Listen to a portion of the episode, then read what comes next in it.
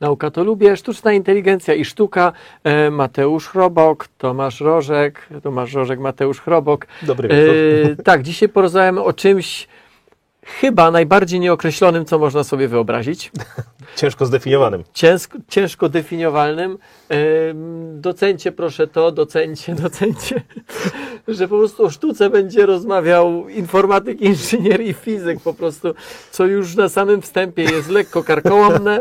Już e, mamy tak dobre nastroje, bo próbowaliśmy troszkę sprawę mm, jakoś, jakoś e, Zmierzyć. zmierzyć, tak, przygwoździć. Na razie się nie udało, ale liczymy na Waszą pomoc. E, Kilka rzeczy na początku, żeby nie zapomnieć, bo to rzeczy ważne dla nas i chętnie o nich mówimy. E, Dziękujemy Uniwersytetowi Śląskiemu za to, że nas gości. To jest studio Uniwersytetu Śląskiego. Mm, e, Dzięki współpracy z Uniwersytetem możemy tutaj być. I za to dziękujemy bardzo. Druga sprawa, przypomnienie o książce. Tak, e, książka Jak działa kosmos, Układ Słoneczny, o pewnej dość ambitnej sondzie kosmicznej. Pięknie ilustrowana książka dla dzieciaków, które się interesują kosmosem albo które chcielibyście, żeby się zainteresowały kosmosem. Książka już jest em, z drukarni. e, Przedsprzedaż zakończyła się jakiś czas temu. Już jest w magazynach Nauka to lubię, więc wysyłamy ją na bieżąco. Gdybyście szukali prezentu z okazji, nie wiem, Dnia Dziecka, zakończenia roku szkolnego, to moim zdaniem to jest całkiem dobry pomysł. E, Dla tych, którzy nas oglądają, mamy rabat i teraz muszę to przeczytać, żeby tego nie pomylić. 5% na hasło naukowy prezent, ale e, rabat obowiązuje tylko i wyłącznie do końca jutrzejszego dnia, czyli do końca 16 16. maja i rabat obowiązuje na te zestawy książkowe, które znajdziecie w zakładce na prezent. E, Co jeszcze? Czy o czymś powinien, powinniśmy jeszcze powiedzieć? Dzisiaj pojawi się z nami razem Przemysław, który Oczywiście, dwóch który jest najbardziej tutaj takim cringe'owym elementem naszego To jest pewne, pewien folklor. Tak pewien folklor. On też będzie w takim nieco, nieco związanym ze sztuką, anturażu. Mam nadzieję, że też to docenicie. E, Co jeszcze, e, o czym jeszcze powinniśmy wspomnieć? Te twarze, które widzieliście na początku na okładce, to znaczy to, co wam się pojawiało zapowiadając live'a, to jest wytworzone oczywiście w Midjourney, czyli w jednym z generatorów obrazów na podstawie promptu, który się pojawił. No byliśmy odzorowani moim zdaniem całkiem, całkiem nieźle, chociaż przerysowani taki w pewnych troszkę za, miejscach. taki zalotny jakby nieco jesteś na, tych, na tym. To już interpretacja wiesz, sztuki. Po prostu być może tak jesteś. Dobra, no to co? No to te kwestie, o których powiedzieć chcemy i musimy, mamy za sobą. I teraz stały element naszego spotkania, każdego. Co wydarzyło się w temacie sztucznej inteligencji od ostatniego razu? Tak się troszkę zawiesiłem, bo chciałem powiedzieć przez ostatni miesiąc, ale ostatnie spotkanie nie było miesiąc temu, tylko dwa i pół tygodnia temu, jakoś tak. Więc y, od ostatniego czasu, co się wydarzyło? Chciałbym powiedzieć, że to krótko było, to niewiele, ale to zupełnie nieprawda, bo kolejny raz jest tego tyle, że moglibyśmy przez, o tym rozmawiać przez półtorej godziny. E, Pierwsza rzecz, która się jest związana z tym tematem naszym, czyli ze sztuką, to konkurs fotograficzny wygrał gość, który stworzył sobie obraz, i tutaj proszę, żebyście pokazali ten obraz, to jest tam jedynka, e, który został wytworzony przez sztuczną inteligencję. To, co widzicie na ekranie teraz, to przeszło, zwycię, zwy, tak, zwycięzca e, miał uzyskać główną nagrodę i napisał, ha, wcale, że nie, wcale, że ja nie zrobiłem tego zdjęcia, to jest wygenerowane. I z tym jest śmieszna historia, no bo e, teraz jury stwierdziło, no słuchajcie, no w takim wypadku to może porozmawiajmy o tym, rozpocznijmy debatę, e, że potrzebna jest, nie wiem, osobna kategoria, trzeba coś z tym zrobić. On powiedział, nie, nie, ja wycofuję tą pracę, więc e, w żadnym wypadku ni do niczego takiego nie doszło, ale to jest jeden z takich przykładów, gdzie coś, co ma być sztuką, gdzie było oceniane jako sztuka, no okazało się, że zupełnie sztuką było, bądź nie było, o czym mam nadzieję dzisiaj będziemy rozmawiać. Tak, bo ja Cię chciałem zapytać, i to dotyczy nie tylko i wyłącznie e, obrazów, ale też dźwięków, też tekstów. E, czy to nie jest sztuka, ale innego typu? E, sztuka takiego e, zaprogramowania, takiego wyuczenia, e, która być może wcale nie jest prosta. Więc, a- ale to sobie zostawmy Tak, może gdzieś tam, gdzieś tam na za chwilkę. E, Nie wiem, czy to jest ten moment, czy jeszcze chcesz o czymś powiedzieć, jeszcze- bo ja mam tutaj jedną rzecz odnotowaną, o której chciałem wspomnieć, czyli scenarzystów. E, To za chwilkę. E, To za chwilkę, Ja jeszcze tak e, z kronikarskiego obowiązku. Google odpaliło na swoim I.O., e, opowiedziało o nowych rzeczach, które się pojawiają. Myślę, że jest kilka takich ciekawych. E, Pierwszy to jest ich model Palm 2, który tam ma różne wielkości. Tam jest Bison, jest e, Unicorn i inne takie, które są kolejnymi dużymi modelami językowymi i one są wykorzystywane w różnych miejscach, między innymi w wynikach wyszukiwania, czyli w przyszłości, jak to się będzie w wyszukiwarkach pojawiało, możecie mieć nie tylko wyniki tego, jakie tam są strony, ale też odpowiedzi z takiego AI, co spowoduje, że prawdopodobnie będzie jeszcze mniej ruchu do prawdziwych stron i coraz więcej użytkowników będzie się po prostu zatrzymywało na tym etapie, bo będą dostawali odpowiedź e, i koniec. I po co mają szukać dalej. E, Pojawiło się jeszcze taki projekt jak Tailwind, który dla mnie jest bardzo ciekawy. Bo to jest tak, jakbyś zbierał sobie takie swoje notatki, swoje dokumenty w jednym miejscu i potem możesz w tym wchodzić w interakcję. To znaczy, budujesz sobie taki model, y, to wedle, wedle opisu Google'a, dzięki któremu będziesz później mógł powyciągać sobie selektywnie rzeczy, które z tym są związane, zadać w pewien sposób pytania i wyciągnąć tą wiedzę, którą sobie zbierałeś. Na razie jest to dostępne tylko w Stanach, ale pewnie otworzą prędzej czy później w Europie. Czyli w skrócie sytuacja, w której na przykład uczeń albo osoba dorosła, która co jakiś czas bywa na jakichś spotkaniach, konferencjach, e, coś przeczytała i patrz, wyłączyło mi się. To ty, czy to, To nie, ono? to nie, to nie. Okej. E, Na konfer... Nie ogarnę, ogarnę.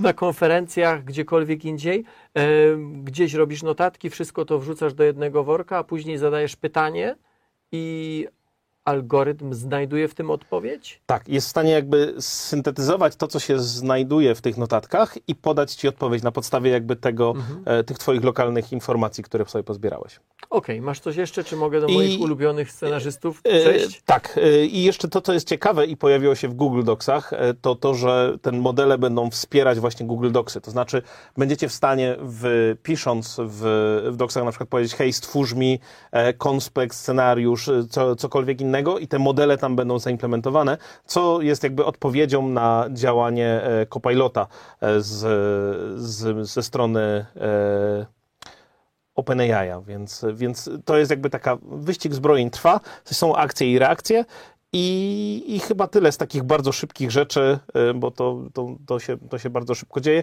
Jest jeden jeszcze kawałek, który jest związany z tym, że wy, wy- wyciekły rzeczy z wewnątrz Google'a, rzekomo, w którym napisali oni, że nie mają wcale fosy i oni mają taki sam problem Co jak... to znaczy? No właśnie, mają taki sam problem jak OpenAI, że ludzie przelewają tą wiedzę. My mówiliśmy o tym ostatnio, o rafinacji. Przelewają wiedzę z wielkich modeli, które mają, które kosztują miliony, dziesiątki milionów dolarów do przeuczenia, które mają bardzo dużo parametrów, więc to wymaga dużej ilości grafik, mocy obliczeniowej, prądu.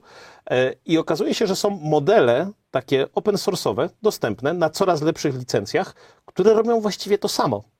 I to jest coś, co jest e, dla mnie zupełnie nieintuicyjne wobec tego, o czym mówiliśmy na pierwszym naszym odcinku, bo wydawało mi się, że kurczę, to będzie, no, te firmy będą miały jakiś taki oligopol, że będą trzymały te modele, one będą w samym środku tego, a teraz się okazuje, że jesteśmy w stanie jako społeczność przelać tą wiedzę w coraz mniejsze, bardziej dedykowane modele na coraz bardziej otwartych licencjach i stosować je do własnych celów. To też powoduje, że oczywiście będą zagrożenia związane z tym, że to będzie coraz mniej kontrolowane, ale jak już wewnątrz Google'a podobno o tym mówią, to wydaje mi się, że to jest coś bardzo realnego ze względu na to, no, że pokazuje moc, bo przeuczenie takiego modelu lokalnie to jest około koszt 100 dolarów, więc kilka rzędów wielkości mniej. A to daje nadzieję na to, że będzie się to rozwijać, że to będzie dostępne dla wszystkich i będzie się rozwijać bardzo szeroko. Czy to oznacza, że model biznesowy tych dużych firm, które no, wyłożyły te dziesiątki milionów dolarów nie po to, nie, nie dlatego, że są organizacjami charytatywnymi, tylko po to, żeby zarobić, właśnie się wysypał? Y, Nie do końca, ale moim zdaniem jest, są tam już pierwsze skazy, bo e, widziałem pierwsze takie e, testy, które pokazywały, że e, precyzja w odpowiedzi na pewne pytania to tam jest 89 kontra 90% i to nie na rzecz czata GPT, w tym wypadku tam było chyba 3,5, ale na rzecz tego open source'owego modelu, bo tam była Lama, taki model stosowany. I to jest niesamowite, bo to pokazuje, że oczywiście te firmy są do przodu, ale społeczność zaczyna na tym gonić, na, nadążać. To jest związane z taką nową techniką, która jest związana z przeuczaniem, która zdecydowanie spowodowała, że ono jest tańsze, ale to są jakieś tam detale implementacyjne. Okej. Zanim zaczniemy na dobre, bo jeszcze jedna rzecz do podsumowania, która w zasadzie może być i podsumowaniem ostatnich trzech tygodni, ale też wstępem do całego dzisiejszego Mhm. naszego, do całej dzisiejszej naszej rozmowy, czyli strajk scenarzystów w Stanach Tak. Zjednoczonych. Zanim do tego przejdziemy, przypomnienie dla Was. Oczywiście możecie i bardzo prosimy o zadawanie pytań. Z wielką przyjemnością dowiadujemy się, czego, o czym się chcecie dowiedzieć Wy, czego chcecie się nauczyć. Mm, I w zasadzie nigdy nie ukrywamy, nie ukrywaliśmy, że to Wy jesteście współtwórcami tego formatu. Więc jeżeli pytań nie będzie, to i nam będzie trudniej tą rozmowę prowadzić w sposób interesujący dla Was. Nie dla nas, tylko dla Was. A przecież spotykamy się tu po to, żebyście Wy z tego wynieśli jak najwięcej. Jeżeli nasze rozmowy Wam się podobają, udostępnijcie proszę choćby teraz y, link do tego spotkania, do tego live'a w Waszych mediach społecznościowych. Im więcej osób się dowie, tym będzie po prostu e, weselej, bo będzie więcej interakcji. Tak jest. E, tak. No to nie przedłużając. W Stanach Zjednoczonych duży protest scenarzystów. Sprawdziłem, scenarzyści, ten związek zawodowy scenarzystów w Stanach Zjednoczonych jest dość starym związkiem zawodowym, ma około 100 lat. Protestował kilka razy. I sprawdziłem, jakich, przy jakich okazjach protestował. E, protestował wtedy, kiedy wchodziła telewizja. Protestował wtedy, kiedy pojawiały się płyty CD, płyty DVD Też przełom. e, też przełom, e, protestował za każdym razem, gdy ostatecznie okazywało się, że scenarzystów potrzeba więcej. Bo protestował także na przykład z powodu, e, nie wchodząc oczywiście w szczegóły, protestował przy okazji powstawania czy dużego ruchu, czy powstawania dużych platform streamingowych. Mhm. Jeżeli porównam świat dzisiaj i świat wtedy, kiedy było tylko i wyłącznie kino, to nie mam wątpliwości, że dzisiaj scenarzystów potrzeba więcej, że mają więcej pracy, że mają więcej rzeczy do zrobienia. Mhm. Y, I zastanawiam się, i chciałem Cię zapytać o opinię. Jak Ty to widzisz? Czy to nie jest tak, że my, już schodząc z tych scenarzystów, że my jednak protestujemy zawsze, jak jest jakaś nowość, ale historia nas uczy, że prawie zawsze, prawie zawsze większości z nas po prawie każdej zmianie jest po prostu wygodniej i lepiej. U, uogólnienie takie twarde.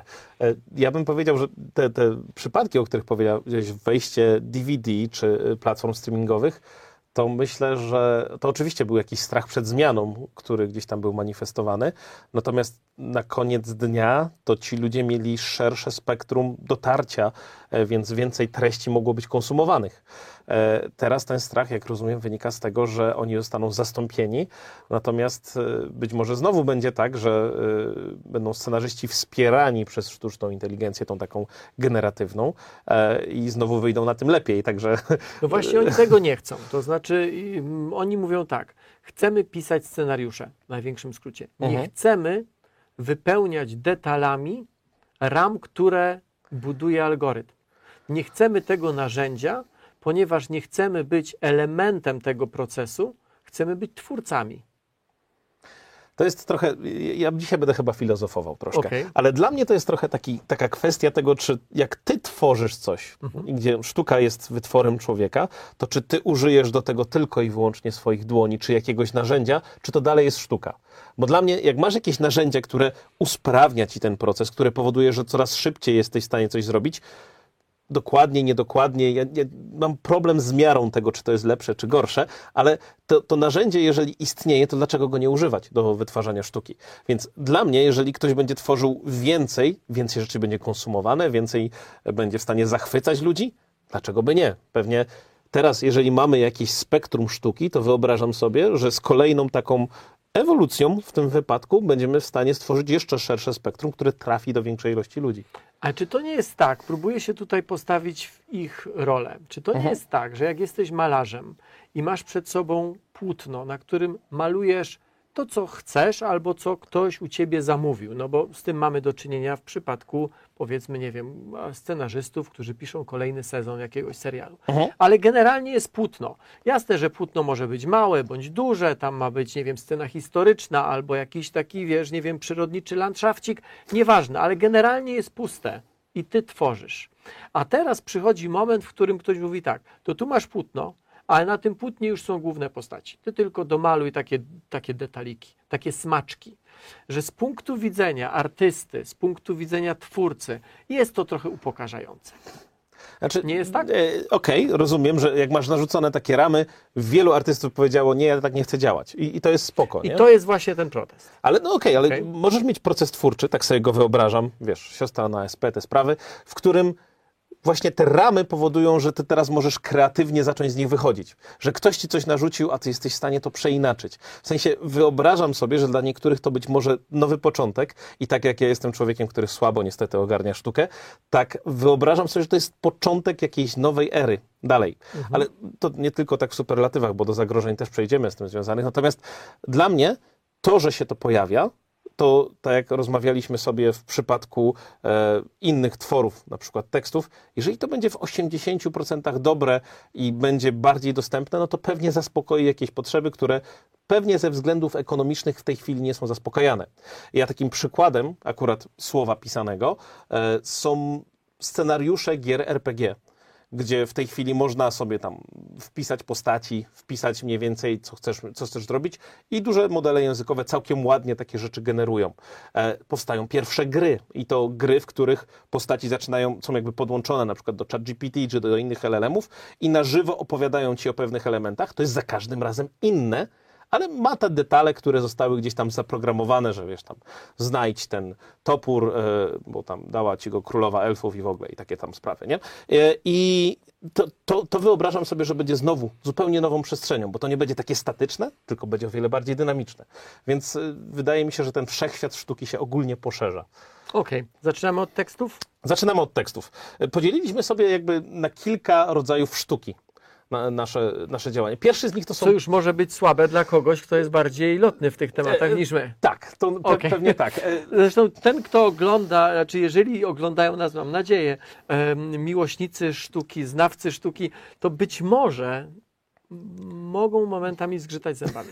Ja sobie wyobrażam ten piach tam, który te iskry powoduje. Tak może być. E, Bo to, o czym mówimy, jakby powód, dla którego w ogóle rozmawiamy, to są duże modele językowe, które tak blisko są tego naszego poczucia e, czegoś no, nie super doskonałego, ale sztucznej inteligencji, że zachwyciliśmy się nimi.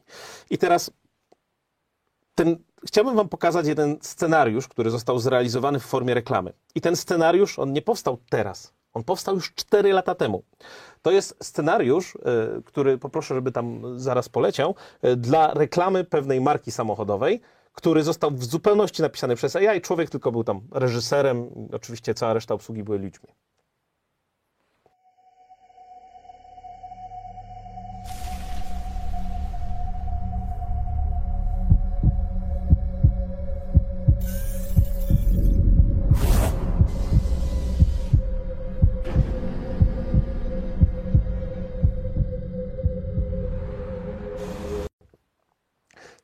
Kawałek to było coś, co zostało napisane w 2019 roku, jeszcze przed wybuchem LLM-ów i to już spełniło swoją funkcję. Zainteresowało ludzi. Ale powiedz mi, a czy ten samochód był prawdziwy i ten człowiek był prawdziwy? tak. To byli aktorzy, to nie było tekst. wygenerowane... Tak, tak, nie. Okej. To było wszystko prawdziwe, tylko na poziomie tekstu. Scenariusz, który, ja myślę, że tam w tym kawałku niewiele mogliście go zobaczyć, ale scenariusz był w całości stworzony przez AI.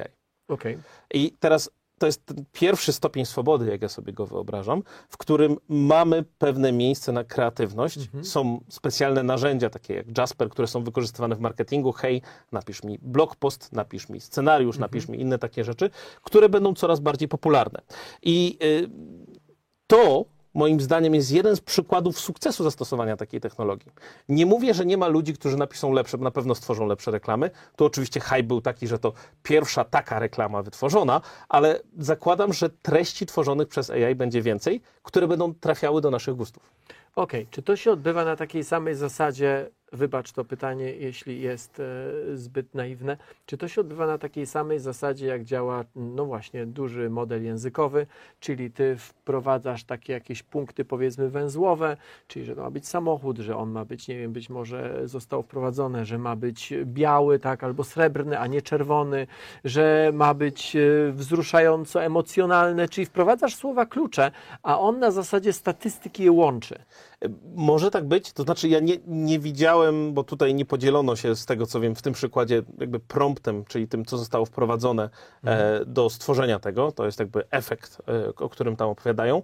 Natomiast e, w tej dalszej fazie, czyli w, jak, jak przejdziemy do grafiki generatywnej, czy do filmu generatywnego, to takie rzeczy jak najbardziej się pojawiają.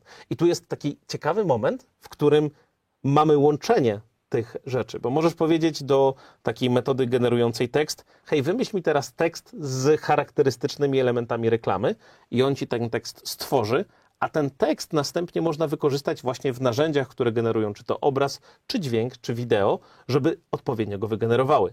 Więc jakby wiesz, na poziomie scenariusza tego takiego e, kawałka, no scenarzyści się mogą troszkę bać. E, rozumiem ten strach, naprawdę rozumiem ten strach.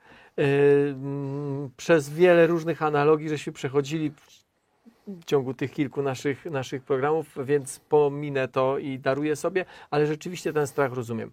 Powiedz, czy ten model, znowu nie wiem jakich słów użyć, żeby zostać dobrze zrozumianym, czy ten model, który tworzył tą reklamę, czy powiedzmy tworzył ten tekst, Mhm. jak on był porównywalny, jak byś go porównał z dzisiejszym czatem GPT, co on mógł więcej albo mniej, czy one były w ogóle z tej samej bajki? To czy... jest inna epoka. Znaczy to e, 4 lata różnicy to jest już jakby epoka, jeżeli chodzi o rozwój. To były e, jakby w tamtym wypadku, jeżeli się nie, byle, nie mylę, to było z laboratorium IBM Sona e, wykorzystywane do generowania e, i na pewno mm, na tam, w tamtym czasie nie było tak szerokim modelem, z tak dużą ilością e, wiedzy w środku, tak bardzo zaawansowanym, więc to jest taki przykład przeszłości, który już się załapał. Nie? Takiej przeszłości wydawałoby się dalekiej, bo 4 lata, ale to tylko 4 lata z drugiej strony. Gdybyś dzisiaj dokładnie te same pytania zadał dzisiaj funkcjonującym czy świetnie działającym modelom, jak bardzo ta reklama by się różniła? Co w niej by mogło być innego? I, I jak jesteśmy w temacie sztuki, Mhm. To ja mam to moje takie skrzywienie, które jest związane z funkcją celu. No bo co ty chcesz uzyskać przez tą sztukę? Czy ona ma złapać za serce? Czy ona ma być bardziej jakaś efektowna? Czy mam... Jak można to zmierzyć? Ja mam tą trudność, że mam straszną trudność ze zmierzeniem sztuki. Wyobrażam sobie, Czy że nam było... Przemysław przypadkiem nie zmierzył y, sztuki? Czy to nie jest Przemysł tak? mówi o kreatywności. Także czyli jeszcze do- dojdziemy zaraz do tego. E, Natomiast jeż, jeżeli chodzi o ten taki element, czy to będzie lepsze, czy nie, trafi do innych ludzi. Więc i, i to będzie dobre, czy to będzie dobre. Na pewno e, byłoby pewnie szersze słownictwo, bardziej precyzyjne w pewnych kwestiach, no bo Mhm. e, tym te modele głównie się różnią. Te dzisiejsze od tamtych e, starszych, natomiast dalej będą w stanie spełniać taką potrzebę. Być Okej. może coraz lepiej. Duży model językowy, który zapytaliśmy o to, czym jest sztuka, powiedział, napisał, nie wiem, jakie słowa powinienem mówić? Powiedział, napisał, Zwrócił Wyrzucił z siebie? że sztuka to wyraz twórczej ekspresji ludzkiej, miło z jego strony, że powiedział ludzkiej, która inspiruje, wzrusza i poszerza nasze postrzeganie świata. Ja, ja mam problem z definicjami sztuki w ogóle, bo jak taka starożytna sztuka tworzona przez ludzi, tutaj tworzone przez ludzi za pomocą narzędzi, pytałem znajomych, jak oni rozumieją sztukę, takich bliżej sztuki. I ja nie rozumiem lepiej sztuki po tym wszystkim, powiem szczerze. Mam, mam tą trudność, że, w punkcie wyjścia, tak? że, że wszystko może być wytworem sztuki. Natomiast jeżeli coś wzbudza w tobie emocje, wz, wzrusza cię w jakiś sposób, to jest to po prostu sztuka, która pasuje do ciebie jak taki puzzle i uruchamia pewne mechanizmy. No właśnie, u ciebie może uruchomić, u mnie niekoniecznie uruchomi i na tym polega też trudność jej definicji.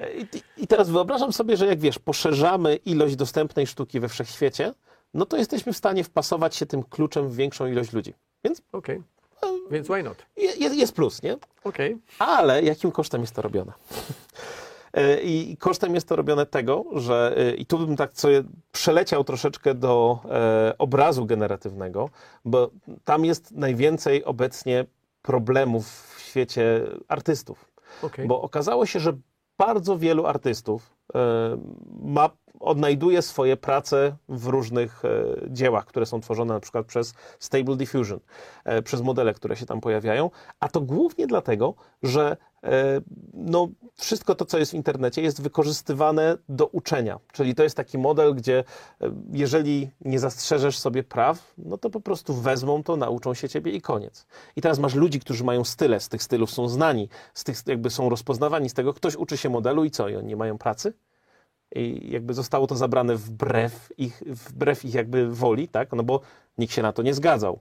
No ale było w internecie. No dobra, to wszystko zależy, co masz na myśli, mówiąc, zostało zabrane. Bo jeżeli to jest tak, że ten obraz został wzięty i nieco tylko zmodyfikowany, to rozumiem ten oburz. Ale jeżeli to jest tak, że masz jakiś styl, okay, um, po czym człowiek widzi nie wiem, w galerii, w muzeum Mhm. ten obraz i się inspiruje i stwierdza, to ja też chcę malować świat kropkami. Mhm. Albo chcę malować świat figurami geometrycznymi, jak kubiści. No to, no to czy to oznacza, że on to im ukradł? Czy to oznacza, że on się tym zainspirował? Rozumiem, wiesz, że my tu wchodzimy, tu chodzimy po bardzo cienkim lodzie. Ja nie wiem, gdzie jest ta granica. Ja nie wiem, czy na przykład, bo może jest tak, że człowiek się może inspirować, ale jak dokładnie to samo zrobi algorytm, to już kradnie. Y, No tak. I to, to, to jest brzytwa, która jest bardzo trudna dla mnie, wiesz, bo to... To e, prawda. e, Ja myślę, że wszyscy się inspirujemy na podstawie wszystkich tych rzeczy, które się pojawiają dookoła nas, Czy natomiast wiesz, no jak ktoś mm, komponuje lot trzmiela, no to sorry, nie wymyślił tego, tylko usłyszał lot Tak. trzmiela, co nie oznacza absolutnie, że on nie jest artystą, nie jest wielkim muzykiem, nie jest wielkim kompozytorem. Mhm. E, a ci, którzy grają lot trzmiela, wcale nie oznacza, że po prostu ukradli. Oni są świetnymi muzykami i to z całą pewnością jest sztuka, ale to jest lot trzmiela, a nie coś wymyślonego. Więc gdzieś tu jest ta granica pomiędzy inspirowaniem się a kradzieżą. Nie wiem, gdzie ją ustawić, ale zastanawiam się, czy my mówiąc, czy rozmawiając w kontekście sztucznej inteligencji i sztuki, Mhm. czy my przypadkiem nie zapominamy o tym, że człowiek też się inspiruje tym, co widzi, tym, co słyszy, tym, czego doświadczył. E, Na pewno, w sensie ja nie wierzę, że nie. Musiałbyś mieć człowieka, wiesz, e, z Marsa, który byłby zupełnie odizolowany od naszej społeczności. Coś, co wytworzy, wow, to będzie pewnie bardziej Zainspirowany oryginalne. może na Marsie. E, Tak, zainspirowane czymś innym. Natomiast ja chciałem się skupić na chwilkę na takiej warstwie transpozycji, takiego transponowania, czyli ty przetwarzasz coś, co widzisz, jak jest nawet ten lot szmiela, jak zagrasz go na innym instrumencie, dodasz swoje interpretacje, emocje do tego wszystkiego, to staje się czymś zupełnie innym. Tylko pytanie, jak bardzo to teraz jest sztuka, przez to, że nadałeś ten kawałek siebie i do ilu ludzi znowu to się gdzieś tam wpasuje i zagra im, że tak powiem, w duszy. Czy to jest większa sztuka, czy mniejsza?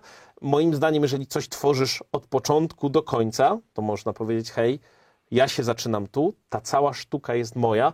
Oczywiście masz te lata doświadczeń, inspiracji i innych rzeczy. Natomiast to, czego doświadczamy w przypadku generatywnego AI, to jest to, tam taki przykład właśnie ze Stable Diffusion, że na podstawie prac jednego gościa, których tam było paręset, nauczyli model, no i teraz wszystkie kolejne, które tam tworzą, no to one wyglądają jak jego prace, mimo że jego pracami nie są. No i gościa to bardzo boli. Ja mu się absolutnie nie dziwię. Ja też mu się nie dziwię. Y, ale on nie jest w stanie z tym nic zrobić, no bo prace były dostępne w internecie, ludzie sobie pouczyli modele, no i A prawo nie nadąża. tak, no i co on teraz ma stworzyć nową, nowy, nowy styl, nowe coś innego, co tworzył przez, wiesz, lata, dziesiątki lat, z czego był znany I z czego żył.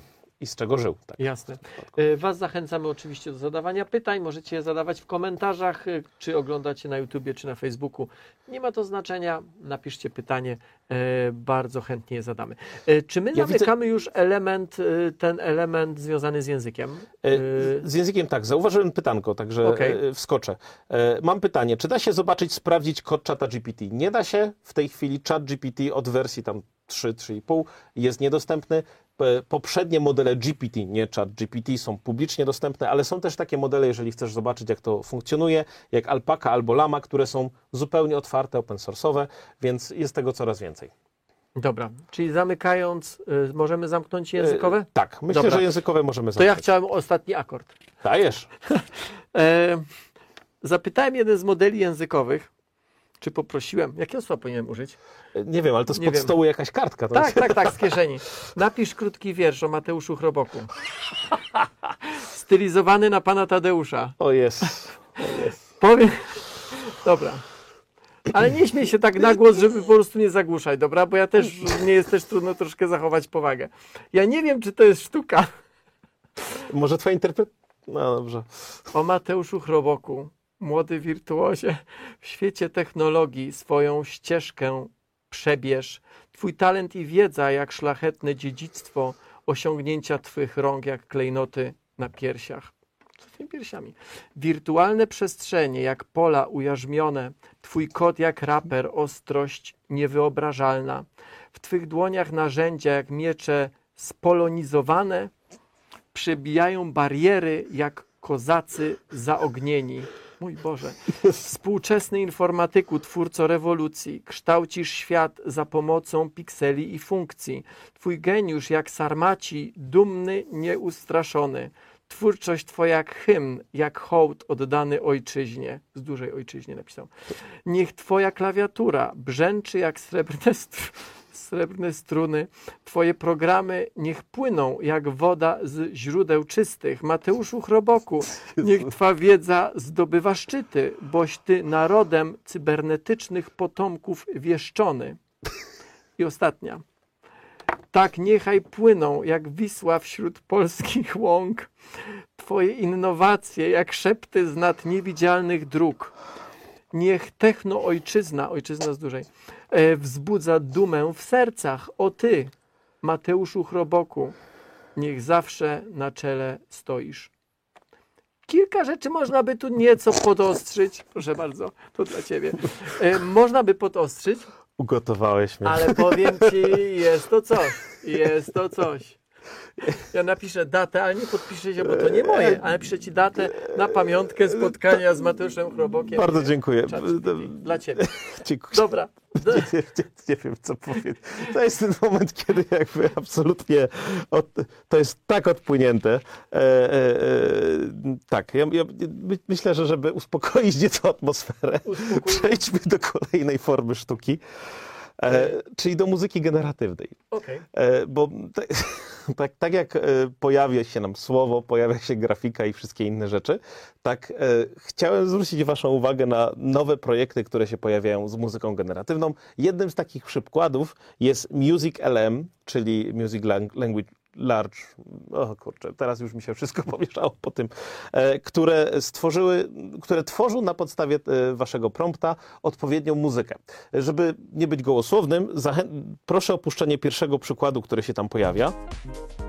O, to jest taki kawałek, który twórca, który powiedział, hej, wygeneruj mi, zrób mi taką muzykę funky, e, która będzie miała tam taki beat do tańczenia e, i bardzo dobry tam bassline w tle, tak i sobie coś takiego leci. I powiem szczerze, jakbym tam wszedł do klubu, Gdyby to poszło. jakby to poszło, to tak w sumie to, To normalna, normalna muzyka. Okej. Można potańczyć.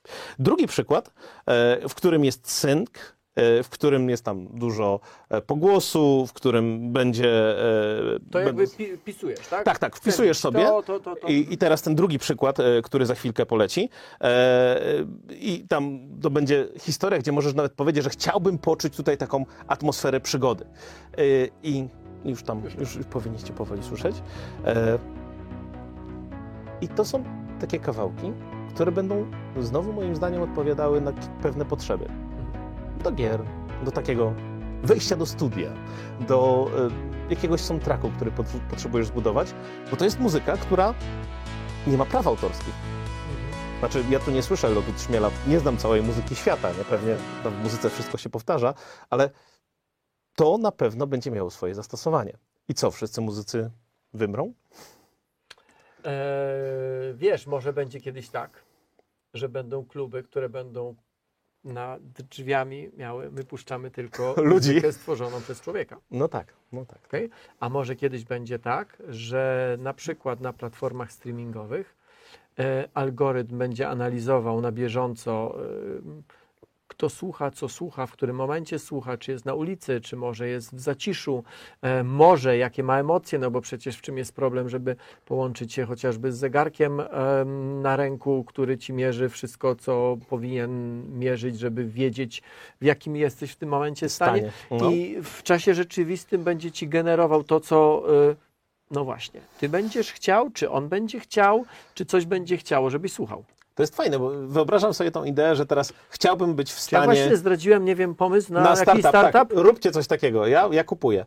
E, Wyobrażam sobie, że chcę teraz być zrelaksowany, mierzymy sobie tętno, czy tam Tak. jakieś inne pochodne, które mówią nam o- tym, dobrze, e, zareaguj taką muzyką, działa, nie działa, albo chcę być teraz w stanie skupienia, weź mnie tutaj pobudź Albo w czymś. samochodzie, wiesz, jedziesz i na przykład kierownica, która już jest naszpikowana czujnikami, no dzięki tym czujnikom albo jakiejś kamerce, Mhm. e, niektóre samochody mogą cię lekko wybudzać, jak widzą, Tak. że zaczynasz lekko przysypiać i nagle się dzieje jakaś sytuacja, powiedzmy w mieście ktoś ci zajeżdża, rośnie ciśnienie krwi, rośnie e, puls i w tym momencie się uruchamia jakiś system audio, który ci zaczyna puszczać pod ciebie, dla ciebie, dla danej sytuacji, generuje coś, co po prostu generuje na miejscu, w Mhm. czasie rzeczywistym, znikąd nie musi zasysać, nie musi się martwić, czy od kogoś bierze, czy nie, po prostu algorytm to tworzy. Wyobrażam sobie reklamy Drugi przyszłości. startup? E, Kolejny, tak. Reklamy przyszłości, które będą generowały e, jakby soundtrack do jakichś tam, wiesz, reklam wideo, e, w zależności od tego, do kogo mówią. Mhm. Czyli dla osób, które lubią muzykę klasyczną, muzykę taką i, na, i jaką to będzie dynamicznie dobierane, e, tak żeby wzbudzić odpowiednie reakcje. To jest ciekawa nowa dziedzina, moim zdaniem. No i gdzie tutaj są muzycy?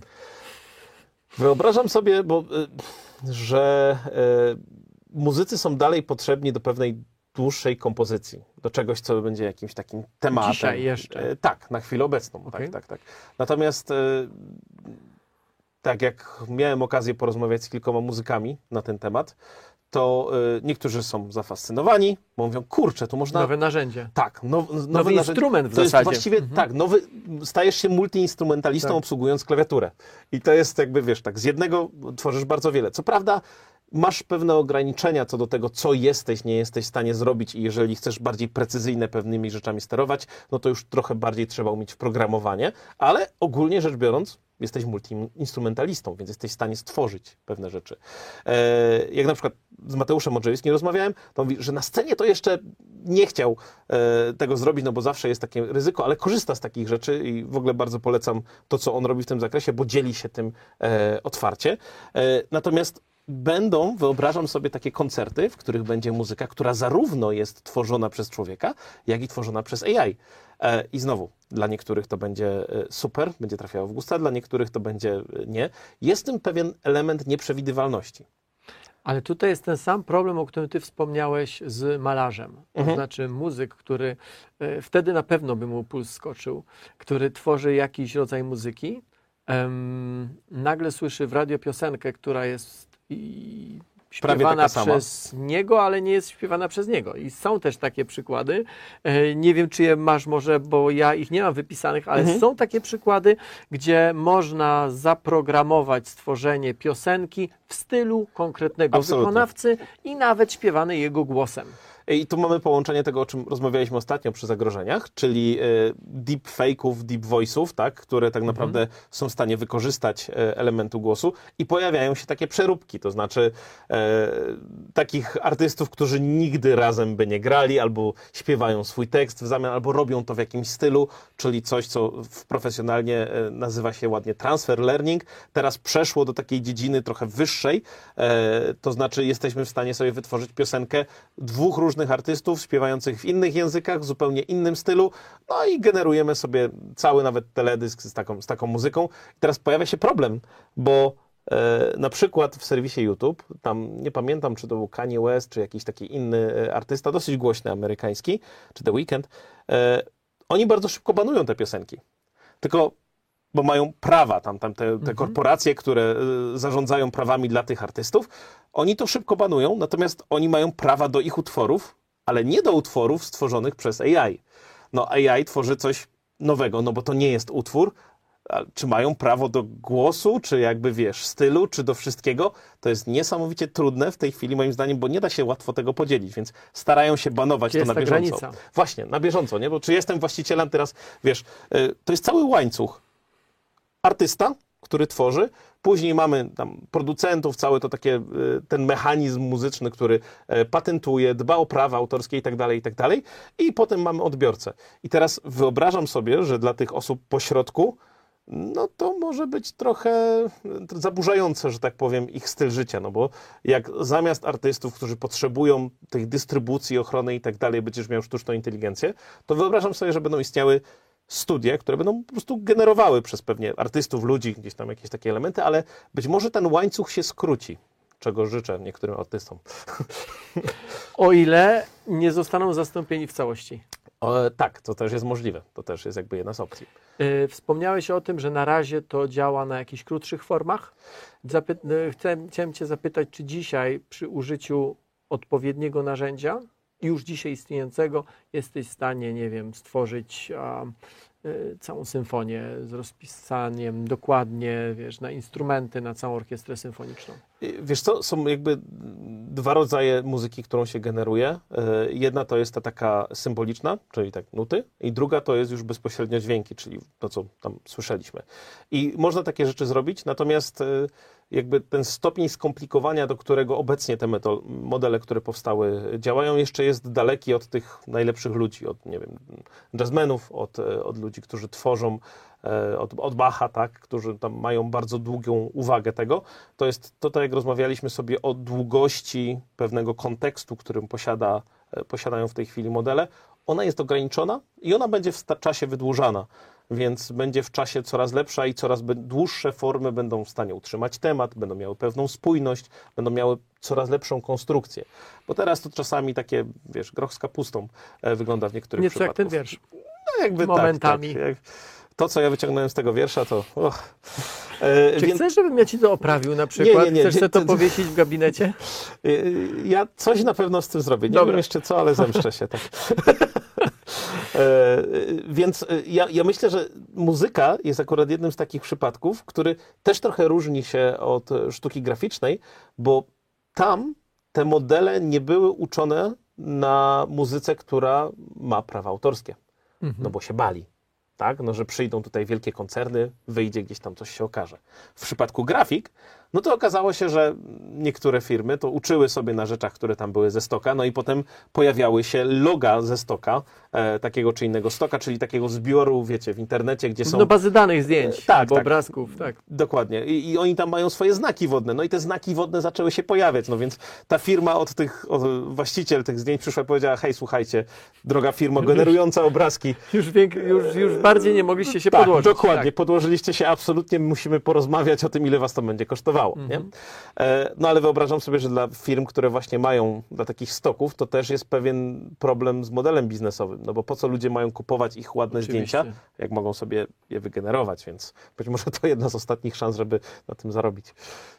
Zamykając kwestię muzyki, czy zamykamy ją? Bo mam jeszcze ostatnie takie pytanie podsumowujące, czy jeszcze masz coś? Ja myślę, że to jest znowu dla mnie, jako patrząc w perspektywie sztuki, znowu pojawi się grono odbiorców tego wszystkiego, twórców, którzy skorzystają z tego jako narzędzia.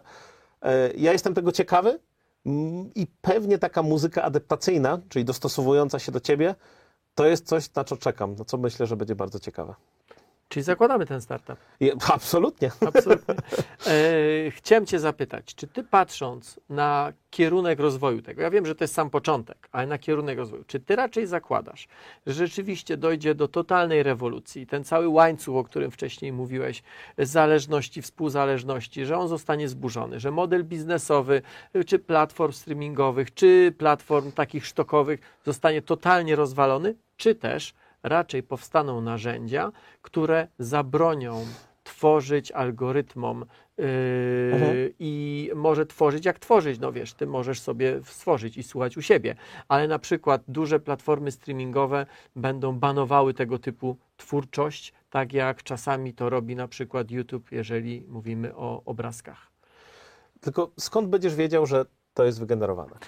To jest pytanie, które następnie Ci chciałem zadać. No bo teraz tak, jeżeli jakiś algorytm tworzy coś, to być może w tym czymś są charakterystyczne punkty, po których inny algorytm będzie w stanie rozpoznać, Że czy to to jest zostało to. stworzone, czy nie.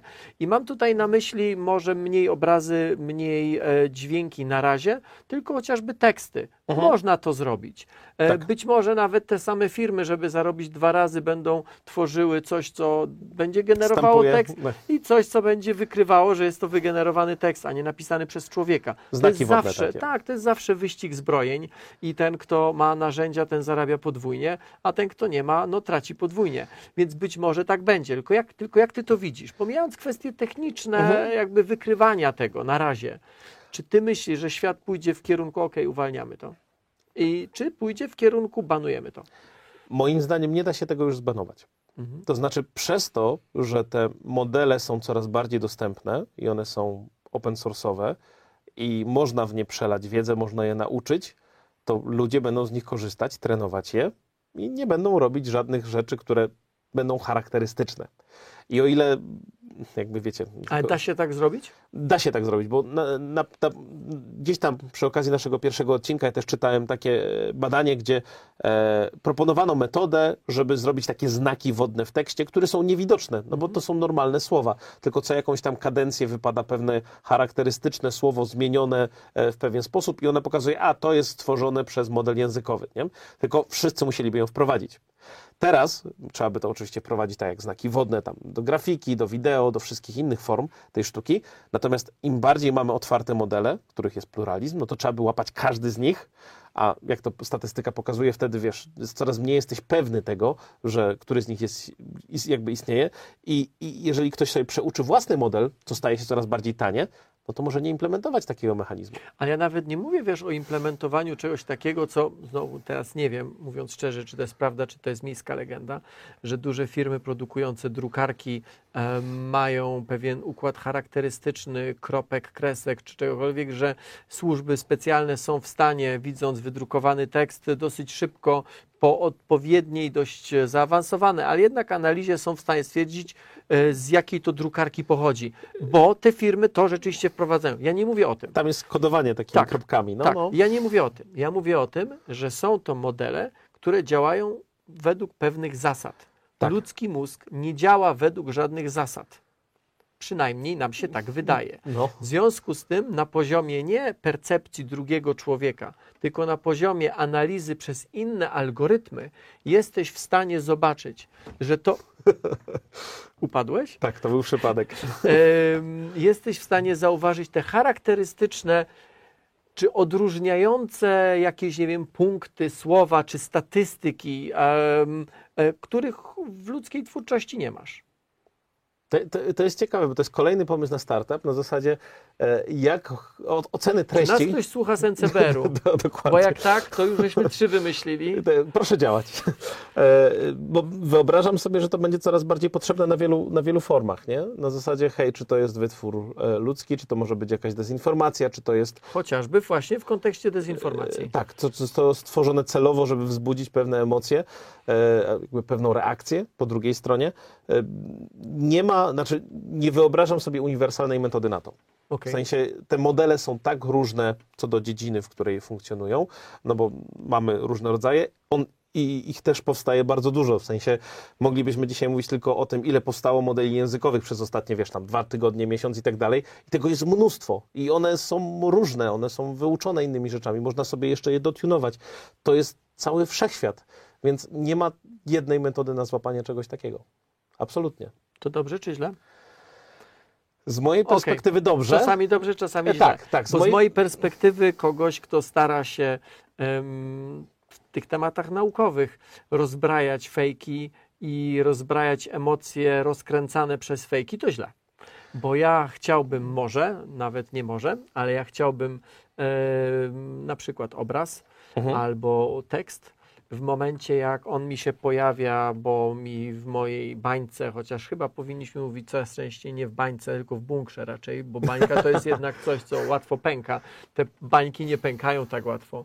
W mojej przestrzeni jest mi podkładany. Chciałbym mieć w prawym górnym rogu informację od właściciela platformy, y, czy to jest podejrzenie y, czegoś stworzonego fejkowo, czy nie.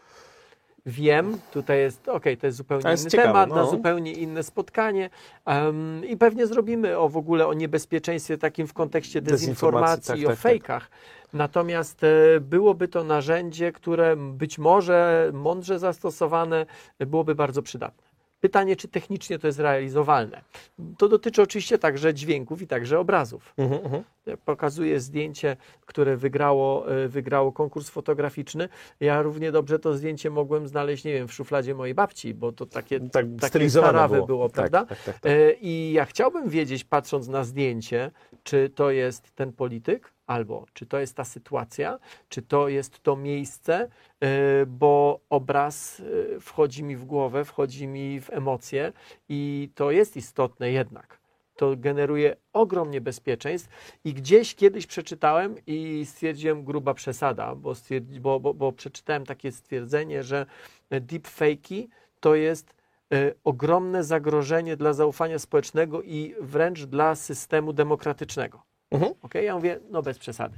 Ale dzisiaj już bym tak nie powiedział, bo ja mogę sobie wyobrazić sytuację z łatwością, że na przykład dzień przed wyborami ktoś wypuszcza deepfake'a tak realistycznego, pokazującego polityka, który powiedzmy jest górą w wyścigu wyborczym, w jakiejś takiej sytuacji, No, mówiącego coś. coś, no cokolwiek, mówiącego coś, robiącego coś, Tak. że nagle, zanim ktokolwiek zdąży zadziałać, zanim ktokolwiek Zareaguje. zdąży sprawdzić, Mhm. zareagować, jego akcje zaczynają nurkować w dół. Tak. I e, mogę sobie to wyobrazić. E, Więc tego typu narzędzia być może z punktu widzenia zaufania społecznego właśnie i podstaw, na których jest nasz system polityczny, czy w ogóle ład społeczny wybudowany, by były czymś bardzo, bardzo pożądanym. No więc tutaj mówiąc troszeczkę o bańce i o piosenkach, które lubimy, bo je znamy, to pojawia się taki problem, że będziemy tylko umacniać ludzi, ale to chyba jest e, rozmowa na kiedy indziej w tym, co tak naprawdę myślą, no bo jak będziesz im podawał treści, które mm, będą im pasowali, pas- pasowały do e, wizji świata, no to będą się w tym po prostu umacniać i jest problem z poznawczością, tak, Te czegokolwiek spoza, spoza tego wszystkiego. Pojawiły się pytania, Bardzo proszę, bo E, powiem Ci, że nie wiem kto i nie wiem jak, ale u mnie się one nie pojawiają. a zepsute masz. Zepsute. E, e, Czy AI może być posądzony o plagiat? Czy plagiat może być karalny dla AI? No i tutaj e, tak, e, jakby nie samo AI zostało posądzone o plagiat, no bo to jest sam algorytm, ale to jest przykład firmy Stable Diffusion, która e, e, przykład modelu Stable Diffusion, który z tego co wiem został posądzany o plagiat właśnie chyba przez Shutterstocka albo przez innego jakiegoś tam stoka, bo tam się pojawiały te, te obrazy, no i oni zostali pozwani. Zobaczymy, jak to się, jak to wyniknie, więc osobowością prawną rzeczywiście jest firma, która to stworzyła. Jest z tego co wiem jakiś zbiór artystów e, generujących grafikę, który też pozwał kilka firm e, w zakresie tego, że był odtwarzany, e, że były pobierane jakby ich prace i później one były wykorzystywane do tworzenia jakichś grafik, więc takich spraw jest coraz więcej. Natomiast na razie osobowościami są firmy. W pewnym momencie e, wyobrażam sobie, i to jest jakby ta druga strona medalu, że im więcej będzie takich e, otwartoźródłowych modeli, to będą powstawały takie, które będą ci tworzyły tekst do książki, który brzmi jak Tomek Rożek. I on się pojawi gdzieś tam, każdy będzie sobie w stanie napisać książkę i właściwie będzie brzmiało, wyglądało i tak dalej, podobnie do ciebie i nic z tym nie zrobisz, no bo jakby nawet nie wiesz, kto ten model stworzył, nie? Więc ma to, ma to swój minus. Ma, ma to... No dobra, ale książkę ktoś wydał, albo stronę internetową ktoś jest ma. fizyczna, dobra. tak. Okej, dobra. Ale, ale jest, to, jest to jakby jeden, jeden z takich problemów. Nie? Ja, ja myślę, mi się zawsze przychodzi do głowy taka, e, takie ciekawe zagadnienie, które to już chyba 5 czy 6 lat temu byłem na konferencji, pamiętam, gdzie w Zurichu stworzono galerię sztuki, w której był po prostu laptop, który chodził po dark webie, czyli tej takiej ciemnej stronie internetu i zamawiał losowe rzeczy. Raz przyszła jakaś tam fejkowa torebka, czy tam prawdziwa, nieważne. Raz przyszły narkotyki, raz przyszła broń. Straszne rzeczy. No i przyszła policja zobaczyć, co tam się dzieje. A to był po prostu algorytm, który na chybił trafił za kryptowaluty, zamawiał jakieś rzeczy. No i kto jest odpowiedzialny? Ten, kto napisał? Czy ten sprzęt, co tam stoi? A kto to napisał? I te, jak to ustalić, nie? Więc myślę, że mamy to, to, to, jak będziemy rozmawiać o prawie, to jest coś, na co my jako ludzkość jesteśmy nieprzygotowani. Kto jest za to odpowiedzialny? Okej. To tylko dorzucę taki, y, jeśli nie da się odpowiedzieć jednym zdaniem, to przerzućmy to na kiedy indziej. Wczytywałeś się w AI Act Tak, Komisji europejski. Europejskiej? Tak, tak, tak. E, czy on rozwiązuje to? Możesz powiedzieć? Czy, czy, czy da się w ogóle w pięciu słowach powiedzieć? A czy ja go czytałem? Wielu rzeczy nie rozumiem. E, trochę mi wstyd, bo pewnie powinienem, ale wiele rzeczy tam jest dość mocno zagmatwanych. Ym, ale żeby nasi słuchacze, nasi widzowie wiedzieli o co chodzi, mógłbyś w trzech zdaniach? European AI Act tak ma definiować, w jaki sposób e, na terenie Unii Europejskiej wszystkie firmy, które wprowadzają jakiekolwiek AI, mają działać. E, W trzech zdaniach e, to jest coś, co jest związane, tak jak macie naklejki na oponach. Jeżeli sztuczna inteligencja nie będzie miała wpływu na ludzi, to naklejka będzie zielona, no bo nie ma interakcji. Jak będzie miała wpływ na wasze życie, to będzie żółta na zasadzie hej, potrzebujemy pewnej kontroli nad tym, co wchodzi i wychodzi i czerwona będzie miała ta, ta naklejka wtedy, jak będzie miała wpływ na twoje życie. Ja trochę w ramach CE4AI z kolegami zajmuję się właśnie tym, czyli żeby zobaczyć, czy te wszystkie firmy, które w chwili obecnej mają jakieś metody sztucznej inteligencji, będą dalej mogły działać na poziomie Unii Europejskiej. I tam jest bodajże siedem takich kluczowych punktów. Jak to, czy tam jest człowiek, który to nadzoruje, czy wyniki nie są, e, nie wpływają na nie jakieś opinie. Jakby o tym myślę, że możemy sobie porozmawiać zupełnie osobno. Jest to napisane w całkiem sprytny sposób, tylko aplikacja tego wydaje się szalenie trudna. To jest właśnie moje największe zmartwienie. Ja jestem mm, ambasadorem cyfrowym Unii Europejskiej. Y, Takich osób w Polsce jest kilka, chyba kilka, nie kilkanaście, kilka.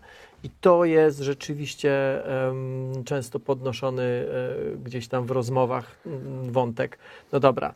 e, Papier jest cierpliwy, tak? Można wszystko na nim napisać. Można stworzyć wiele różnych rzeczy, które wydają się być słuszne. Tylko co teraz zrobić, żeby to wprowadzić w życie? I to jest rzeczywiście słaby punkt. Czy my przechodzimy dalej? I Jeszcze jedno Pytanie, pytanko. E, jasne. Kiedy AI wymyśli nowy smak kawy? I myślę, że to jest akurat proste, bo jakby jak pomyślimy sobie o statystyce, to można sobie wylosować kolejny smak. No dobra, to to mi przypomniało naszą dzisiejszą rozmowę na wideo, naszym kolu, zanim żeśmy przy- przygotowującą się do dzisiejszego spotkania, mieliśmy z Mateuszem spór, który polegał na tym, no dobra, czy to jest kreatywne? Tak. My jeszcze o kreatywności będziemy chwilkę temu rozmawiali, no. ale mm, ja mówię, wiesz co, no y, ja nie wiem, czy to jest kreatywne, chyba, że weźmiemy definicję kreatywności, którą wydaje mi się, że Bill Gates e, podał. On powiedział coś takiego, że mm, kreatywność to jest wtedy, kiedy do y, kupy zbierze się coś, co i tak jest na stole, a czego nikt wcześniej do kupy nie zebrał. Że to jest kreatywne. I jakby idąc dalej, ja mówię, no słuchaj, no mm, czy AI wymyśli ci na przykład nowe zwierzę? I w tym momencie Mateusz po drugiej stronie wpisał, wymyśl nowe zwierzę? Tak, tak, tak, jakoś tak. tak? I powstał e, koniolis Tak, taki. koniolis. Ja mówię, proszę, widzisz, on niczego nie wymyśla. On wymyślił połączenie konia i lisa, bo wie, że jest koń i jest lis. Na to Mateusz zapytał, E, Czy możesz mi stworzyć zwierzę, które nie istnieje na Ziemi? Tak. Powstało jakieś tam I- le, leksaham... I to było grube, to było fajne. Tak? I to- Kulka futrzana, która unosi się z powodu e, pola magnetycznego pola nad ziemią około 10 centymetrów, która coś tam i to było odjechane. To było jakby na nasze rozumienie, przynajmniej na moje, zupełnie odjechane w stosunku do tego, co znam u zwierząt, tak? Teraz pomyślałem, bo powstanie jeszcze książka druga. Jak działa kosmos 2, bo ta jest o układzie słonecznym, powstaje o dalekim wszechświecie. To może tam powinien ten bohater wystąpić. Na przykład. planet. Dobra. Jest to jakiś ten... Myślę, okej. że możemy prze- przeskoczyć do tego obrazu generatywnego. Dobra. E, Czy my mamy naszego. e, Tak, y, ja, ja myśę, że y, chcielibyśmy pokazać wam teraz Krystka. Mhm. Y, Krystka. Krystek, a wy jesteście, wy jesteście na tym. widzę. No tak, tak, tak. Y, który opowiada o oryginalności. To pytanie dotyczące oryginalności i kreatywności AI jest ciekłe jak czekolada z nadzieniem. Sztuczna inteligencja może generować treści, które są na pozór oryginalne, ale trzeba podejść do tego tematu z pewnym rozwagą. AI ma zdolność do analizowania ogromnych zbiorów danych i uczenia się na podstawie tych danych. Na podstawie swojego wcześniejszego treningu i wzorców, AI może generować coś, co wydaje się nowe i oryginalne. Jednakże kreatywność to nie tylko wygenerowanie czegoś nowego, ale również wyjście poza ramy, innowacja i zdolność do wyrażenia emocji i intencji. To jest coś, co człowiek, ze swoją świadomością, wyobraźnią i doświadczeniem nadaje swojej twórczości. W ten sposób AI może tworzyć coś, co wydaje się oryginalne, ale prawdziwa kreatywność wciąż zależy od ludzkiej interpretacji i interakcji z tym, co AI dostarcza. Czy on nie ma nowej fryzury? No, trochę się zmienia chłopak w czasie, Trochę wiesz. się zmienia, tym bardziej, że no tak, no mamy odcinek o sztuce. Też miał taką kurteczkę, taką bym powiedział sztukę. To zależy. No i, no i co? M- może być kreatywny? W sensie... y, No i wiesz, i znowu dochodzimy do tego samego punktu, e, bo w tym odcinku wszystko zależy od tego, jak definiujemy pewne zmienne. No tak. Czy to jest sztuka? A, co, a czym jest kreatywność? E, My przyklejamy kreatywność do człowieka. Ok? To się z sobą jakoś łączy. Bardzo łączy. Jak? Trudno powiedzieć, bo kreatywność to jest jedna z tych rzeczy. Kiedyś już nie pamiętam, czy tego nie powiedział przypadkiem święty Tomasz, który powiedział coś takiego, że każdy wie, czym jest czas, póki nie musi tego na głos powiedzieć. tak. Jest cała seria e, róż, znaczy no, kilka, może kilkanaście, może kilkadziesiąt, ale na pewno nie kilkaset słów em, czy, czy, czy wielkości, które mają tak samo. Okay? Inteligencja, kolejne. Świadomość, kolejne. Intuicyjnie wiemy o co chodzi, ale teraz to wyjaśni. I to jest chyba ogromne wyzwanie w ogóle, niezależnie od tematu em, e, czy od szczegółu, o których rozmawiamy w kolejnych naszych spotkaniach, to dotyczy w ogóle całej sztucznej inteligencji. I kreatywność jest jednym z tych słów właśnie. Nie wiem, Mateusz, czym jest kreatywność. Intuicyjnie wiem, z czym mi się to wiąże, natomiast jak mam podać definicję, a to jest tutaj kluczowe, Mhm. Tak, bo ten... Ciężko zacząć tak, tego. no bo ten słonio, nie, liso, koń, tak, Tak. No, czy to jest mało kreatywne? No, takie wiesz. Ale już ta kulka futrzana. Latająca. Ym, a teraz wiesz, czego jestem ciekawy? Gdybyś dokładnie, gdyby skopiować ten opis tego zwierzaka i wkleić w jakiś algorytm do produkcji obrazów, jak to by Co by wyglądało? E, Zrobimy to? Zrobimy to. Zrobimy to. E, Podrzucimy to gdzieś w linku. Tak, e, pokażemy to. I, i więc, więc to jest chyba tutaj jakby kluczem jest definicja. To, tak jak z definicją sztuki, y, ja myślę, że każdy z nas ma jakiś taki kompas kreatywności, gdzie powyżej pewnego elementu mówi, a dla mnie to jest kreatywne, a dla mnie to jest tam odtwórcze, ale to zależy Tak. od tego, jakie masz bodźce, co już widziałeś, y, co już uznajesz za naśladowanie. Wyobrażam sobie, że nie wiem, ludzie, którzy są bardzo rozwinięci w dziedzinie muzyki na przykład, którzy znają mnóstwo utworów, będą słyszeli, a to już było, to już słyszałem, to już gdzieś tam się Tak. pojawiało. To musi być To straszne. nic oryginalnego. To, to- nic tak. oryginalnego. Nie? Ja kiedyś oglądałem reportaż em, o takim e, e, evencie, bym powiedział, w Stanach Zjednoczonych, który miał miejsce wiele, wiele lat temu, kiedy w bardzo takiej prestiżowej galerii ogłaszano, że będzie pokazywana e, seria obrazów. Mhm. I nie zdradzano, kto te obrazy namalował, ale, ale pisano, że to jest bardzo oryginalny, bardzo znany twórca. E, Galeria była bardzo ekskluzywna, więc nikt nie miał wątpliwości, że tam te filtry wejścia są bardzo, bardzo ciasne. Śmietanka przyjechała, zachwycała się, a później się okazywa, okazało, że po prostu w zoo słoniowi dali pędzel i rozstawili e, pojemniki z farbą. E, Ja patrzyłem na te obrazy i one były super. Okej? One nic nie znaczyły dla mnie, bo wiedziałem, że to namalował słoń. Ale to było coś, ja mówię, wow, ciekawe. Zestawienie kolorów, tych paćków. I teraz oczywiście można powiedzieć randomowe. Ktoś powie, chwila, słoń to jest całkiem inteligentne zwierzę. Słoń też widzi, czy słoń może tworzyć. Nie mam pojęcia, czy może tworzyć. Są ptaki, które z całą pewnością są może nie kreatywne, ale które chociażby w tańcu godowym albo w budowie swoich gniazd, e, no trudno im odmówić tego, albo w układaniu na przykład, nie wiem, liści, piórek, Mhm. po to, żeby czasami zrobić wrażenie, a czasami nie wiadomo z jakiego powodu to robią. Śpiew też o, oczywiście ma funkcję przekazywania informacji, no ale bądźmy szczerzy, tą informację można przekazać w prostszy sposób, a jednak ptak się tego uczy i to robi. Więc to jest bardzo, bardzo ciekawe i dla mnie bardzo, bardzo nieostre. Finał był taki, że ludzie się zachwycali. Ja się nie dziwię, bo mnie to też zachwycało. Y, I być może, okej, nie było mnie tam, więc nie słyszałem, ale być może wiele osób powiedziało, jakie to jest kreatywne. Na pewno świeże. Jakie to jest świeże, jako to jest, jakie to jest inne, jakie to jest oryginalne, czy oryginalny i kreatywny to jest to samo? Gdzieś jest to połączenie, ale to są jednak różne rzeczy, ale to połączenie niewątpliwie tam jest.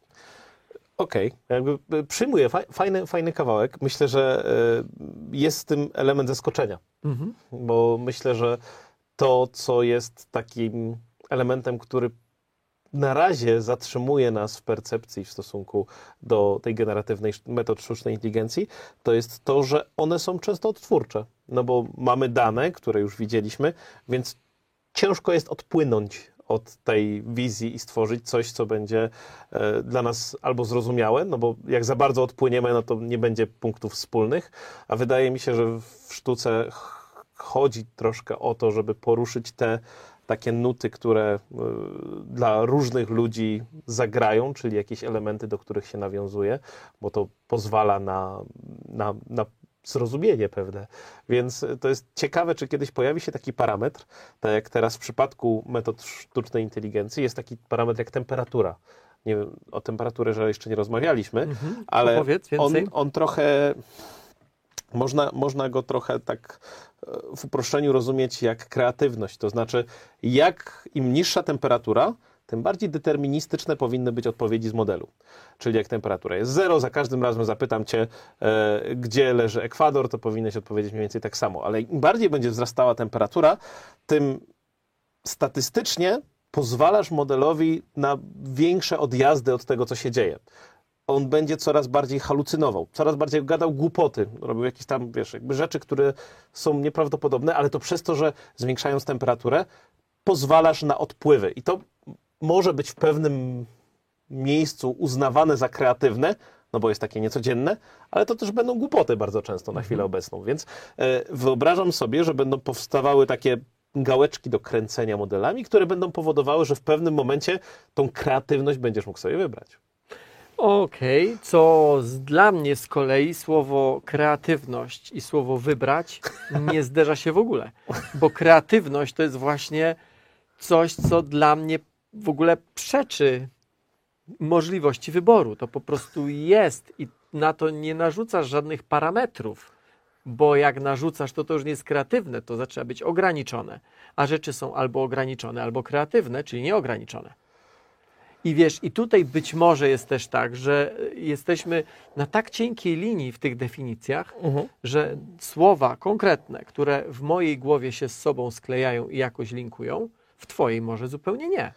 Ja, ja trochę się nie zgadzam z tym, że wiesz, nie można być e, w tym ograniczeniu kreatywnym. Jak sobie myślę, bo to znowu moja bańka, która bardzo silnie na to wpływa, ale ludzi, którzy hakują systemy, masz pewne ograniczenia. Żeby obejść te ograniczenia, musisz być kreatywny, ale znając pewne, wiesz, tu masz ustawione fosy, bramy, inne rzeczy i starasz się na inny sposób wykorzystać te wszystkie furtki, zapadki i inne takie elementy, żeby do środka tego systemu się dostać. I to wymaga kreatywności. Oczywiście jest powtarzalność pewna, e, pewna jakby w tym sztuka, ale jak ja czasami doświadczam e, tego, jak ludzie wchodzą właśnie przez takie zabezpieczenia, dla mnie to jest sztuka. Tak, ale nie mówimy o tego rodzaju ograniczeniach. Bo ty mówisz o ograniczeniach e, jakby w systemie po to, żeby się w nim kreatywnie poruszać. Tak. A ja mówię o ograniczeniach na tego, kto się porusza. Okej, Czy jakby z zewnątrz, nie? A czy innymi słowy, e, no ta, okej, dobra, może o tym samym gadamy. To już nie wiem. Tak jakoś mi się wydaje, że jednak, że jednak te ograniczenia w kreatywności, że trochę co innego miałem na myśli. Ale może jest też tak, że, że tutaj e, sam język jest trochę mało precyzyjny i często e, raczej rzeczy rozumiemy tak intuicyjnie, niż potrafimy o nich bardzo, bardzo wyczerpująco i tak konkretnie opowiedzieć. Ale to wyobrażam sobie tak troszeczkę odnosząc się do Twojego doświadczenia edukacyjnego. Wyobrażasz sobie, że zadajesz jakieś zadanie grupie studentów, uczniów i tak dalej. Jak wiele kreatywności, rozumianej tak wiesz, nie jako entropię czy tamten, ale jak wiele kreatywności jesteś w stanie wycisnąć z takiej grupy powiedzmy 50 osób. No bo będą na rozkładzie jednostki, które będą bardzo kreatywne, które będą miały praktycznie to Rozkład samo. Gaussa jest E, tak, wszędzie. E, I będziesz miał jak, jakąś, ta, jakąś tam taką zmienność, która będzie wynikała z doświadczeń, z takich innych rzeczy. E, Czy ty masz jakieś takie właśnie, nie wiem, oceniając e, e, edukacyjnie e, wytwory jakieś? Dobre pytanie. Wiesz co, ja mm, bardzo dawno zadawałem studentom y, czy uczniom y, tak totalnie otwarte zadanie. Mhm. Jak prowadzę mm, gdzieś na przykład warsztaty z dziennikarstwa, to nie mówię na zasadzie, to napiszcie cokolwiek o czymkolwiek, jakkolwiek. Tylko warsztaty czy zajęcia polegają na tym, że na przykład ćwiczymy felieton Mhm. że ćwiczymy reportaż, że ćwiczymy, nie wiem, e, krótki tekst newsowy.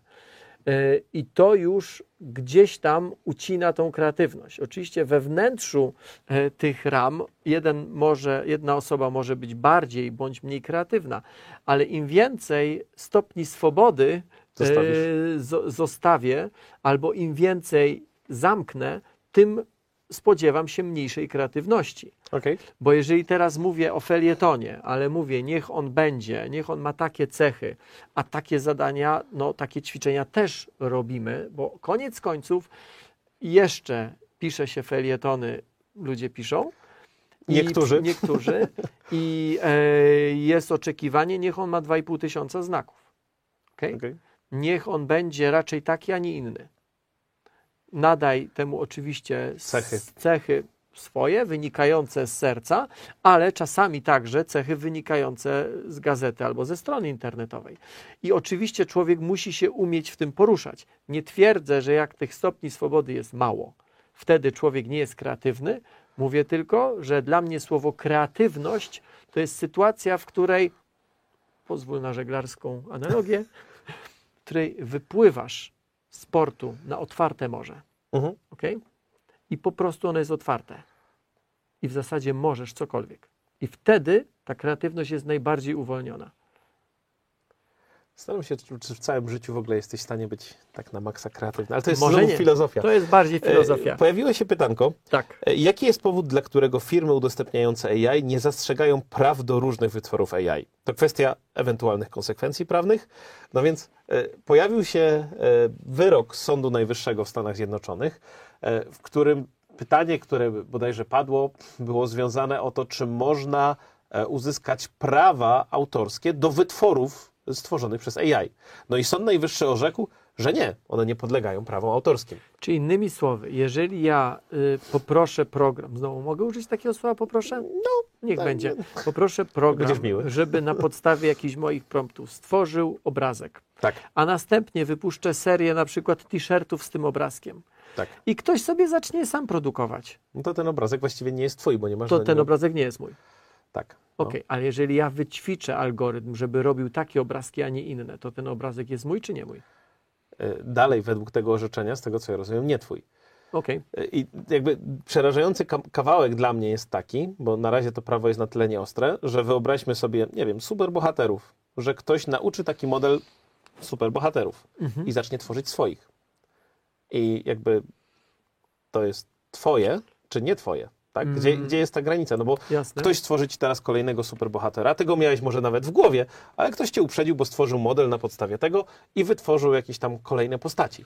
Z mojego punktu widzenia nie jest to problem, bo celem moim wtedy, kiedy tworzyłem Akademię Superbohaterów, było raczej to, żeby o nich było jak Głośno najwięcej, jak najgłośniej, jak najszerzej. Ale ty chcesz Ale edukować, powiem a nie tak. zarabiać. Tak, ale powiem Ci, kiedy się zacznie problem. Wtedy, kiedy inny może model stworzy fejkowego superbohatera, Mhm. bardzo, w sposób bardzo mm, realistyczny stworzy jego życiorys Mhm. i zacznie go pokazywać jako osobę Prawdziwą. prawdziwą. No tak. Okay? I w tym momencie, i w tym momencie wszystko to, co y, z nauka to lubię od lat tworzymy, w zasadzie bierze w łeb, bo nam chodzi o to, żeby pokazywać tych ludzi prawdziwych, pokazywać ich w kontekstach prawdziwych, inspirować ich prawdziwym życiem, ich prawdziwymi osiągnięciami.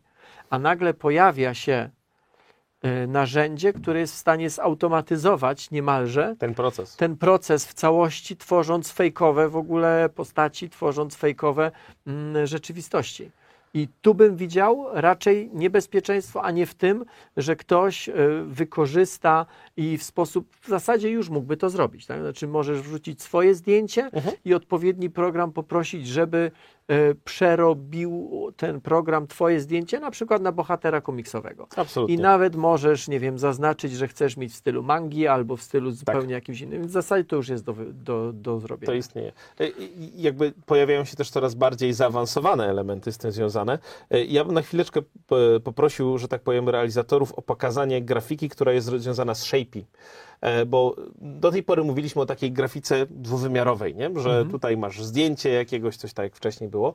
Natomiast w przypadku Shapey, który jest nowym kawałkiem, e, pojawia się generowanie trójwymiarowych obiektów. I jakby to jest zupełnie nowe, no bo do tej pory graficy 3D, którzy tworzyli takie rzeczy do gier, do różnych animacji i tak dalej, zazwyczaj to wyklikiwali albo jakby tam rzeźbili, mówiąc, mówiąc ładnie, bo tam też się korzysta z takich narzędzi trójwymiarowych. E, natomiast tutaj są opisy, no, macie pingwinka, macie e, zielonego buta i te rzeczy po prostu są wygenerowane na szybko. No dobra, no ale to na razie nie robi żadnego. No nie, no to nie wygląda jeszcze Nie, to, to tam jest. Petardycznie, nie? Nie, Ale, nie, to, to, to w ogóle nie wygląda. ale, to, to, ale to jest dobry początek tego, że kolejna jakby bariera jest przełamywana. Tak? To znaczy przechodzimy z takiej grafiki 2D do grafiki 3D, która później będzie gdzieś tam wykorzystywana. Okej, a co z już nie obrazami, ani nie jakimiś prostymi gifami, tylko z całymi scenariuszami całych reklam, czyli filmów, nawiązuje do kolejnego naszego punktu, czyli do generatywnego wideo. Tak, y, myślę, że możemy puścić sobie kilka filmów, które się pojawiło, y, jeżeli mogę prosić realizatorów. Y, Tak, po kawałku. One naprawdę robią wrażenie dla mnie.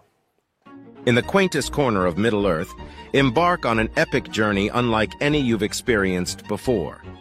This winter, Wes Anderson presents a heartwarming and quirky adaptation of a beloved classic, The Whimsical Fellowship. Meet Frodo Bag.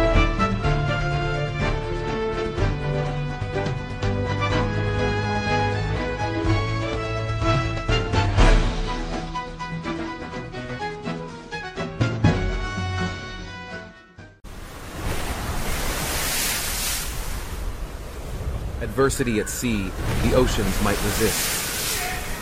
That we might see servitude through the surging water. The work of the winds, the watery way.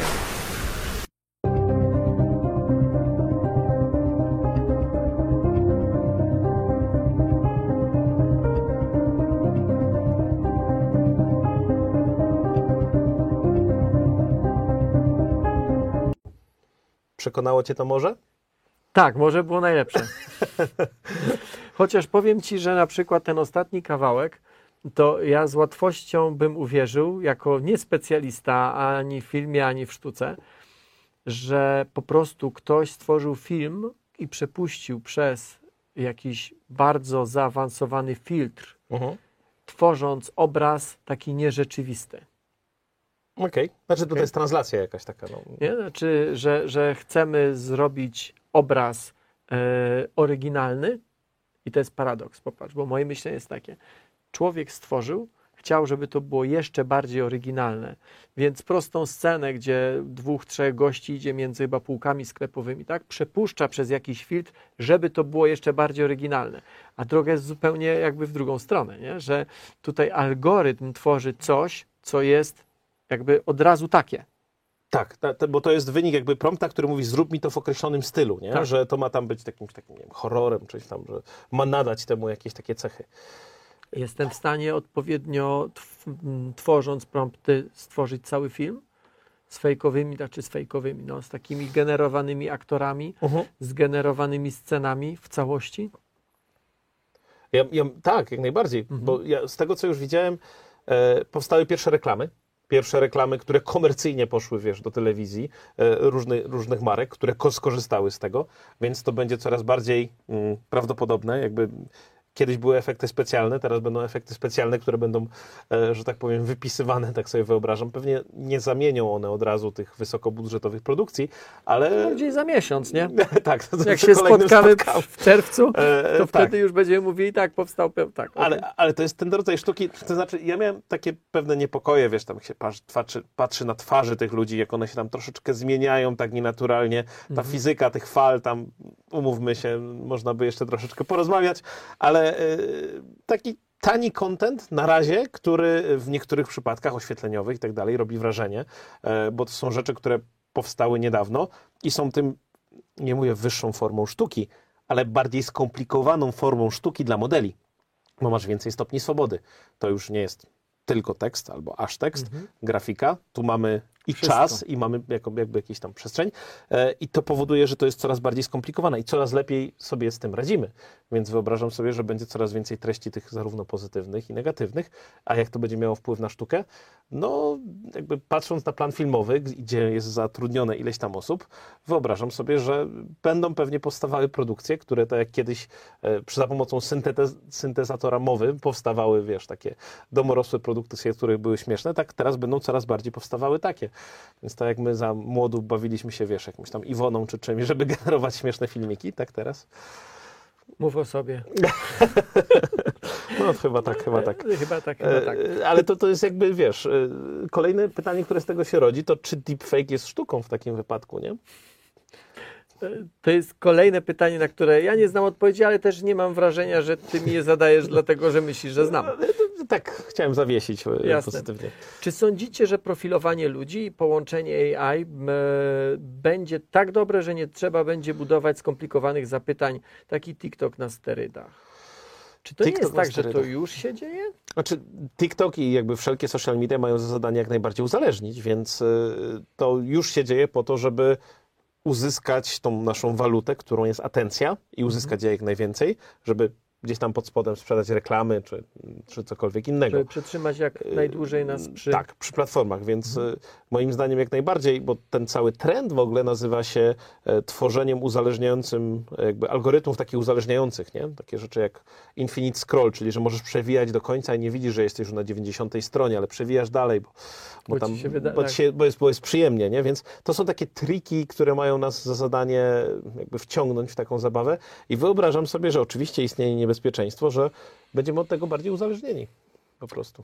Tak, ja mówiłem na chyba podczas ostatniego naszego spotkania, czy przedostatniego, że mm, oczywiście niebezpieczeństw e, tej technologii, mówię teraz o całej AI, jest bardzo dużo Mhm. różnych. Niektóre z nich być może jesteśmy w stanie e, obejść, wprowadzając odpowiednie mm, obostrzenia czy jakieś regulacje. Mhm. Natomiast gdybym miał zrobić swoją totalnie subiektywną listę, to na samym topie by były kwestie relacji i kwestie społeczne. Innymi słowy, y, w momencie, gdy dzisiaj mamy y, coraz większą grupę młodych ludzi, którzy z różnych względów y, boją się wychodzić na zewnątrz, mają kłopot z nawiązywaniem kontaktów z, chociażby z rówieśnikami i korzystają z możliwości mediów społecznościowych po to, żeby się komunikować, to niemalże rwiemy włosy z głowy i mówimy, co będzie jutro. Ale wciąż dzisiaj po jednej stronie i po drugiej stronie jest człowiek. Tak. Co prawda, pomiędzy jest technologia cyfrowa. Jutro tego drugiego człowieka może nie być, bo tu nie chodzi tylko o pisanie z czatem, tu chodzi o wygenerowanie obrazu tak realistycznego jak niektóre już teraz. Tym bardziej, że człowiek siedzący przed komputerem, taki obraz jest o rzędy wielkości łatwiej wygenerować niż żeglarzy na morzu, gdzie jest wiatr, gdzie są żagle, gdzie jest woda pryskająca, gdzie Dynamika. są fale, gdzie jest dynamika. E, co do tego nie ma wątpliwości. I za chwilę może się okazać, że kolejne pokolenie, oby nie, albo część tego pokolenia, oby nie, będzie usatysfakcjonowana wystarczająco kon- kontaktem z maszyną, z algorytmem, nie tylko przez mm, pisanie, nie tylko przez dźwięk, ale też przez obraz. I Tylko to, coś będzie złego. i mówiąc szczerze, to mnie trochę przeraża, bo jednak my się kształtujemy najbardziej przez komunikację z drugim człowiekiem, Mhm. w zderzeniu z drugim człowiekiem.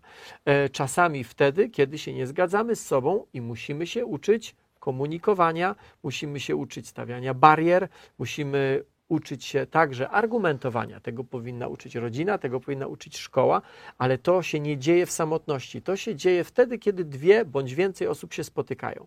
Tak. Gdy po drugiej stronie będzie algorytm, który zawsze będzie takim, e, jakim ty go chcesz mieć. On się ciebie będzie uczył. Mhm. Zawsze będzie miał dla ciebie czas, zawsze będzie miał ciebie, pot- tak, w cudzysłowie, priorytecie i tak dalej, i tak dalej, to y, nagle zniknie cała tak jakby pętla zwrotna, wiesz, kształtowania młodego człowieka i nie tylko młodego. No, potrzeby bliskości, potrzeby tego, żeby tam uwagi, no tak by. Tak, i być może ten element, e, on się, znaczy on z całą pewnością się pojawi, pewnie we wrześniu zrobimy odcinek o szkole i o edukacji, ale tutaj on mi się pojawił z kolei w głowie, dlatego że widzę obrazy, których nie ma. Okay? Znaczy, widzę, znaczy one są, ale one nie zostały nakręcone. Mhm. E, one nie zostały zanimowane w taki sposób, e, że duże studio animuje awatara, który wygląda jak prawdziwy człowiek. Być może za chwilę to się będzie działo w czasie rzeczywistym i on będzie wyglądał jak prawdziwy człowiek. I on będzie mówił, e, podłączony do dużego modelu językowego Tak, tak, to e, jest i tak dalej, i tak dalej. Ale to powstawało już, nie wiem, e, czy e, opowiadałem Ci o takim jednym serialu online, który powstawał. Na bieżąco ChatGPT pisał dialogi, Mhm. jakiś tam generator tworzył dźwięk, a wideo było tworzone przez też jeden, jeden z tych. I on leciał jako strumień 24 godziny na dobę. On był w jakimś tam stylu wulgarny i tak dalej, ale to był jakby samograj. Tak? Mhm. To był jakby niekończący się strumień jakiegoś takiego I scenariusza. ten scrolling. Tak, i i Tak. On, on, sobie, on sobie gdzieś tam leciał. Nie miał jakiegoś super dużego sensu, ale to już był jakiś taki wytwór pierwszy. Ja, jakby dla mnie, ja się obawiam, że za chwilę nie będzie miał kto konsumować tych wszystkich treści, które są tworzone, bo tego będzie tworzone po prostu coraz więcej. Ja- i- Jest, jest jeszcze jeden taki element, który mi się przypomniał a propos, a propos y, grafik, bo pojawiło się takie pojęcie jak pranie danych. Mhm. O praniu pieniędzy słyszałeś pewnie tam, wiesz, Nie pralka. mam jakichś e, dużych doświadczeń w tej kwestii, ale wiem o co chodzi. Ja tam zawodowo miałem troszeczkę do czynienia. E, ogólnie sytuacja wygląda tak, że e, w tej chwili dane jakby przechodzą przez taką warstwę, która ma zanonimizować to, skąd one się biorą. I tak jak było w tym przypadku firmy, która została pozwana przez tego stoka, tak e, coraz więcej ludzi zaczyna rozumieć, że wszystkie wytwory, które wytworzyli w postaci blogpostów, w po- w postaci e, zdjęć, grafik czy jakiejkolwiek innej sztuki, są po prostu wykorzystywane do uczenia. Mhm. No i e, powstają modele, które potem są gdzieś tam wydzielone dalej, za, z którego oni nic nie mają. Nie? Jakby z których oni są elementem czegoś, na co się nie zgodzili. Więc jakby, no te wasze oryginalne prace, ich tam nie ma, to zostało przeprane, ale mamy model, który jest w stanie stworzyć pracę prawie idealnie z waszymi. Więc takie nowe pojęcie, które jest niebezpieczne, pranie danych, e, ostatnio mnie uderzyło i myślę, że to będzie coś, co, co będzie dosyć straszne, no bo to będzie dotyczyło każdego, kto publikuje coś w internecie. Czy zapytamy naszego znajomego Przemysława? Tak jest. O ostatnie pytanko, które nam zostało, Tak. czyli o pracy. O AI jako konkurencja dla ludzi w branży kreatywnej? To prawdziwa wyzwańka. Chociaż sztuczna inteligencja może wspierać i uzupełniać kreatywność, ciężko wyobrazić sobie, że całkowicie zastąpi ludzi w tej dziedzinie. Oczywiście AI może generować sztukę, jak wspominaliśmy wcześniej, ale to wciąż jest narzędzie, które działa na podstawie wcześniejszych wzorców i danych. Kreatywność człowieka jest zdecydowanie czymś więcej niż prostym powielaniem wzorców. To właśnie unikalna perspektywa, emocje, intuicja i zdolności interpretacyjne człowieka nadają sztuce jej głębie i znaczenie.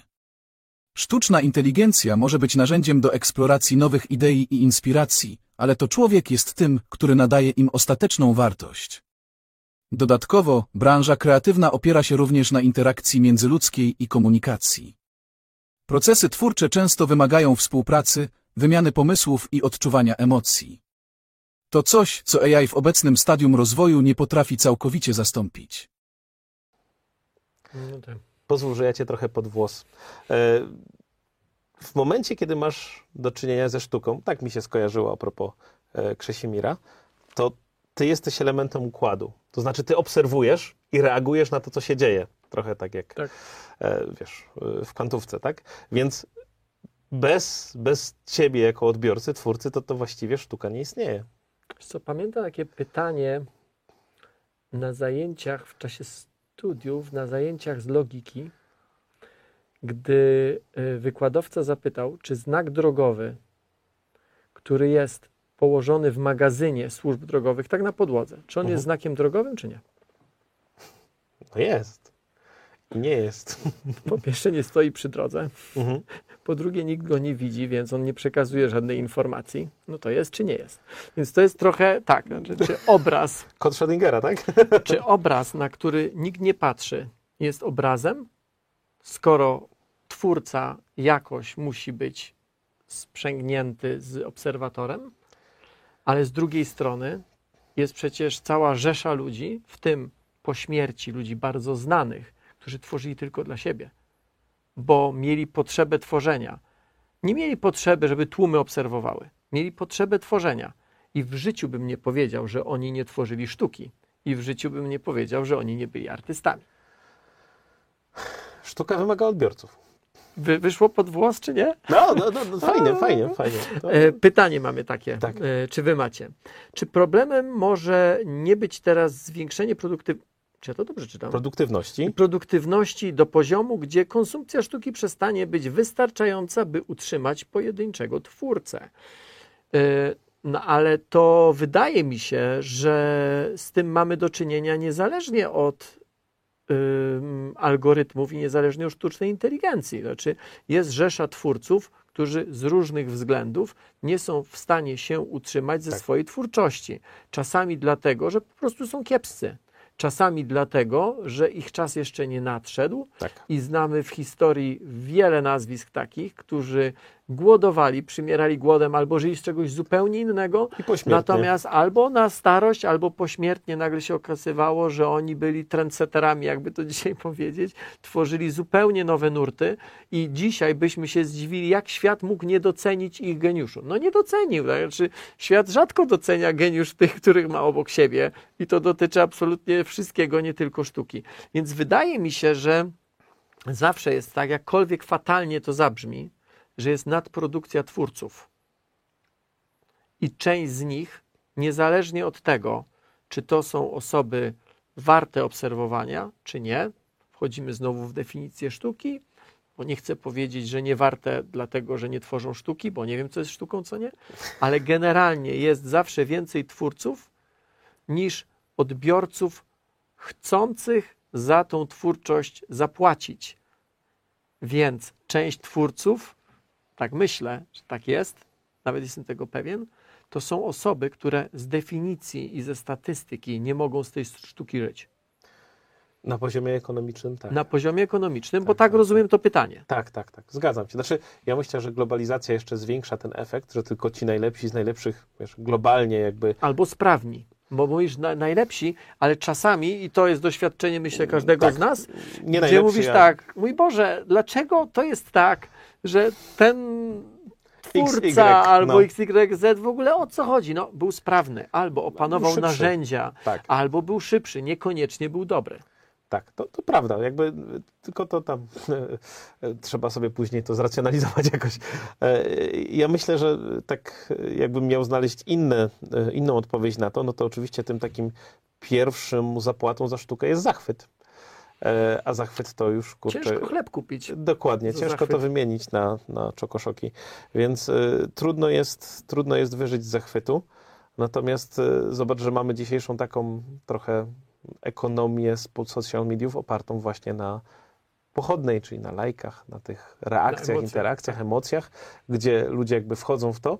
Ciekaw jestem, czy jakby powstał kiedyś, znowu żartuję oczywiście, ale startup, który e, przekuwałby zachwyt w jakąś kryptowalutę czy coś innego.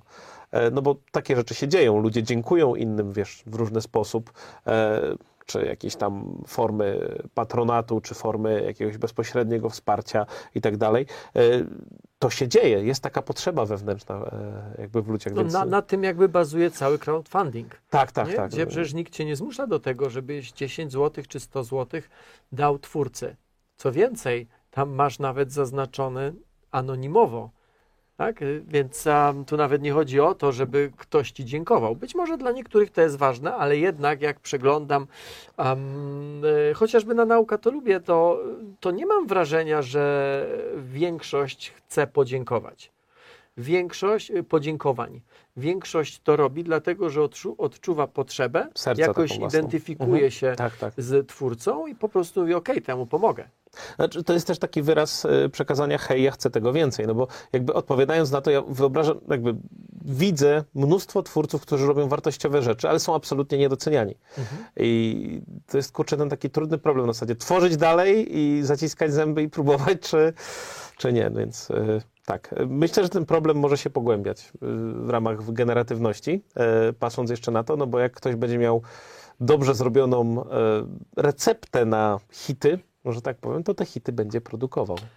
I gdybyśmy robili odcinki o muzyce, to z całą pewnością bylibyśmy w stanie pokazać recepty na hity, czyli to, jakimi, jakie cechy konkretne, jakie warunki konkretne musi spełniać piosenka, żeby była hitem. Tak. I algorytmy albo całe e, rzesze ludzi, którzy Pracują nad tym. trudno nawet nazwać kompozytorami tak wprost, tylko raczej rzemieślnikami, którzy dbają bardzo o to. e, No, chwilę temu się skończyła Eurowizja i miałem wrażenie, że spora część piosenek to jest ta sama piosenka, albo że ma mnóstwo tych samych cech, e, bo odpowiednio e, zbriefowana grupa ludzi, ekspertów siadała i wymyślała coś pod konkretny model, pod konkretne kryteria. E, Powiem tak, ja jestem w grupie tych szczęściarzy, którzy nie widzieli. Natomiast trochę mi się to skojarzyło z takim procesem wytwarzania żywności w stylu na przykład chipsy, gdzie masz ludzi, którzy są odpowiedzialni za dobranie kruchości, smaku, y, wymianę, na to ten cały odpowiedzialny. I to jest po prostu inżynieria, która wpływa na to, że hej, to ma w ten sposób wpłynąć na, od, na odbiorców. Masz mieć No, takie ale tak reakcje. to właśnie wygląda. No i to będzie coraz bardziej e, kolejną z technik, która ma za zadanie wzbudzić nasze reakcje. Tak. Dopływamy do brzegu? Myślę, że tak. Dobra. Chcesz jeszcze coś y, powiedzieć, coś chcemy pokazać? Bo Ja myślę, tutaj że o prawie autorskim dookoła tego jeszcze sobie porozmawiamy zupełnie osobno. Przy okazji prawa, E, tak. tak, przy okazji prawa, prawa staje się, pojawia się wszędzie e, regulacja e, z tym związana.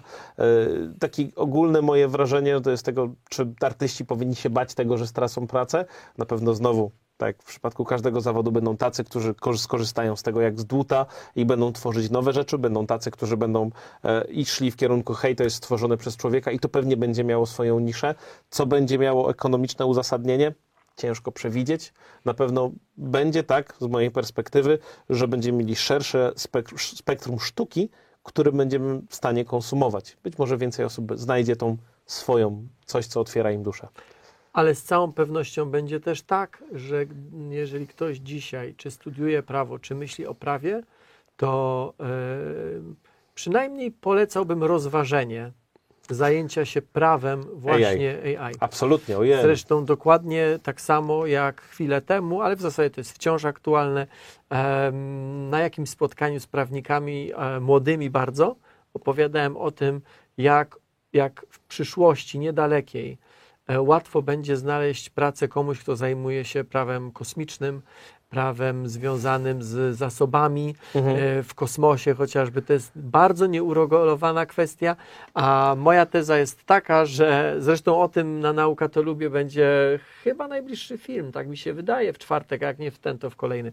Em, Jesteśmy w rozwoju technologii kosmicznych w tym miejscu, w którym internet był 20 lat temu. Czyli w momencie takiego mm, Boomu. wystrzelenia. Mhm. E, dobra, czyli co? Powoli kończymy? Mamy jeszcze coś do pokazania z listy? Wydaje mi się, że mieliśmy jeszcze kilka obrazków, natomiast e, jeżeli popatrzymy sobie, bo w obrazie generatywnym e, pokazywaliśmy przy poprzednich okazjach efekty Midjourney, Dali, e, tam był taki prompt, zrób coś oryginalnego i kreatywnego. Prosiłbym o realizację, o pokazanie tam dwóch, trzech obrazków. To są rzeczy, które są wygenerowane dynamicznie, no, na pierwszy rzut oka dla mnie są fajnie odjechane, tak dosyć pozytywnie. E, I tego będzie oczywiście coraz więcej, takich metod jest więcej, one są coraz lepsze, niektóre są fotorealistyczne, niektóre są w określonych stylach. Dobra, a powiedz mi teraz, popatrz, patrzę na to Si. i myślę sobie tak, gdyby malował to człowiek, Tak, musiałby temu poświęcić bardzo dużo czasu. oczywiście, wysiłek. Jasne. Mhm. Jeżeli teraz człowiek chce, żeby mm, w cudzysłowie namalował to algorytm, Mhm. ile czasu Minuty. trzeba poświęcić, minuty, tak? Tak, znaczy jak już umiesz pisać prompty odpowiednio, no to to Mhm. są raczej minuty. A nauczanie się tych promptów? No, powie, no to nie jest jakiś rocket science, nie? Nie? W sensie to Okej. absolutnie jest coś, co jesteś w stanie gdzieś tam poprawić się, tym bardziej, że te algorytmy też ewoluują, no więc wyobrażam sobie, że do tego promptu, który to był zrób coś oryginalnego i kreatywnego, to to pewnie było nawet szybciej. O, Natomiast proszę. tak, to są te rzeczy wykorzystane do okładki, także pojawiłem się i ja i pojawisz się ty, także vice versa. e, ta, tak to wyszło. E, Mid Journey tak nas, tak nas widzi, taka to ewolucja. E, więc wyobrażam sobie, że to będzie coraz łatwiejsze, żeby stworzyć jakąś sztukę, która na którą ktoś zareaguje pozytywnie. Okej, no dobra, kończymy. Bardzo dziękujemy za pytania. Y, Kilka żeśmy zadali. Bardzo, bardzo, bardzo dziękujemy. Dziękujemy Uniwersytetowi Śląskiemu za to, że nas przyjął i za to, że możemy z nim współpracować. Jeszcze raz polecam bardzo książkę y, Jak działa kosmos, Układ Słoneczny. To jest pierwsza część, jak działa kosmosu. W przyszłości napiszę drugą. E, Tą książkę możecie kupić w sklepie Nauka to Lubię. Na stronie naukatolubie.pl znajdziecie sklep. E, To jest też forma wsparcia Nauka to Lubię i tego, co robimy. E, Napisana i ilustrowana w całości przez ludzi. Przez człowieka, tak. Być może już kolejna będzie tutaj z taką pieczątką Tak. zrobiona Made przez człowieka, zrobiona przez człowieka. Dla tych z Was, którzy nas oglądają, mamy prezent, e, rabat 5% w zakładce, w zakładce, w zakładce na prezent. Tak, tam jest w sklepie zakładka na prezent i tam e, możecie te rzeczy nasze kupować, ale tylko do końca jutrzejszego dnia, czyli do końca 16 maja. I z tym hasłem naukowy prezent. Tak, koniecznie. O widzisz, zapomniałem tego. Naukowy prezent do 16 maja w zakładce y, na prezent. Coś jeszcze?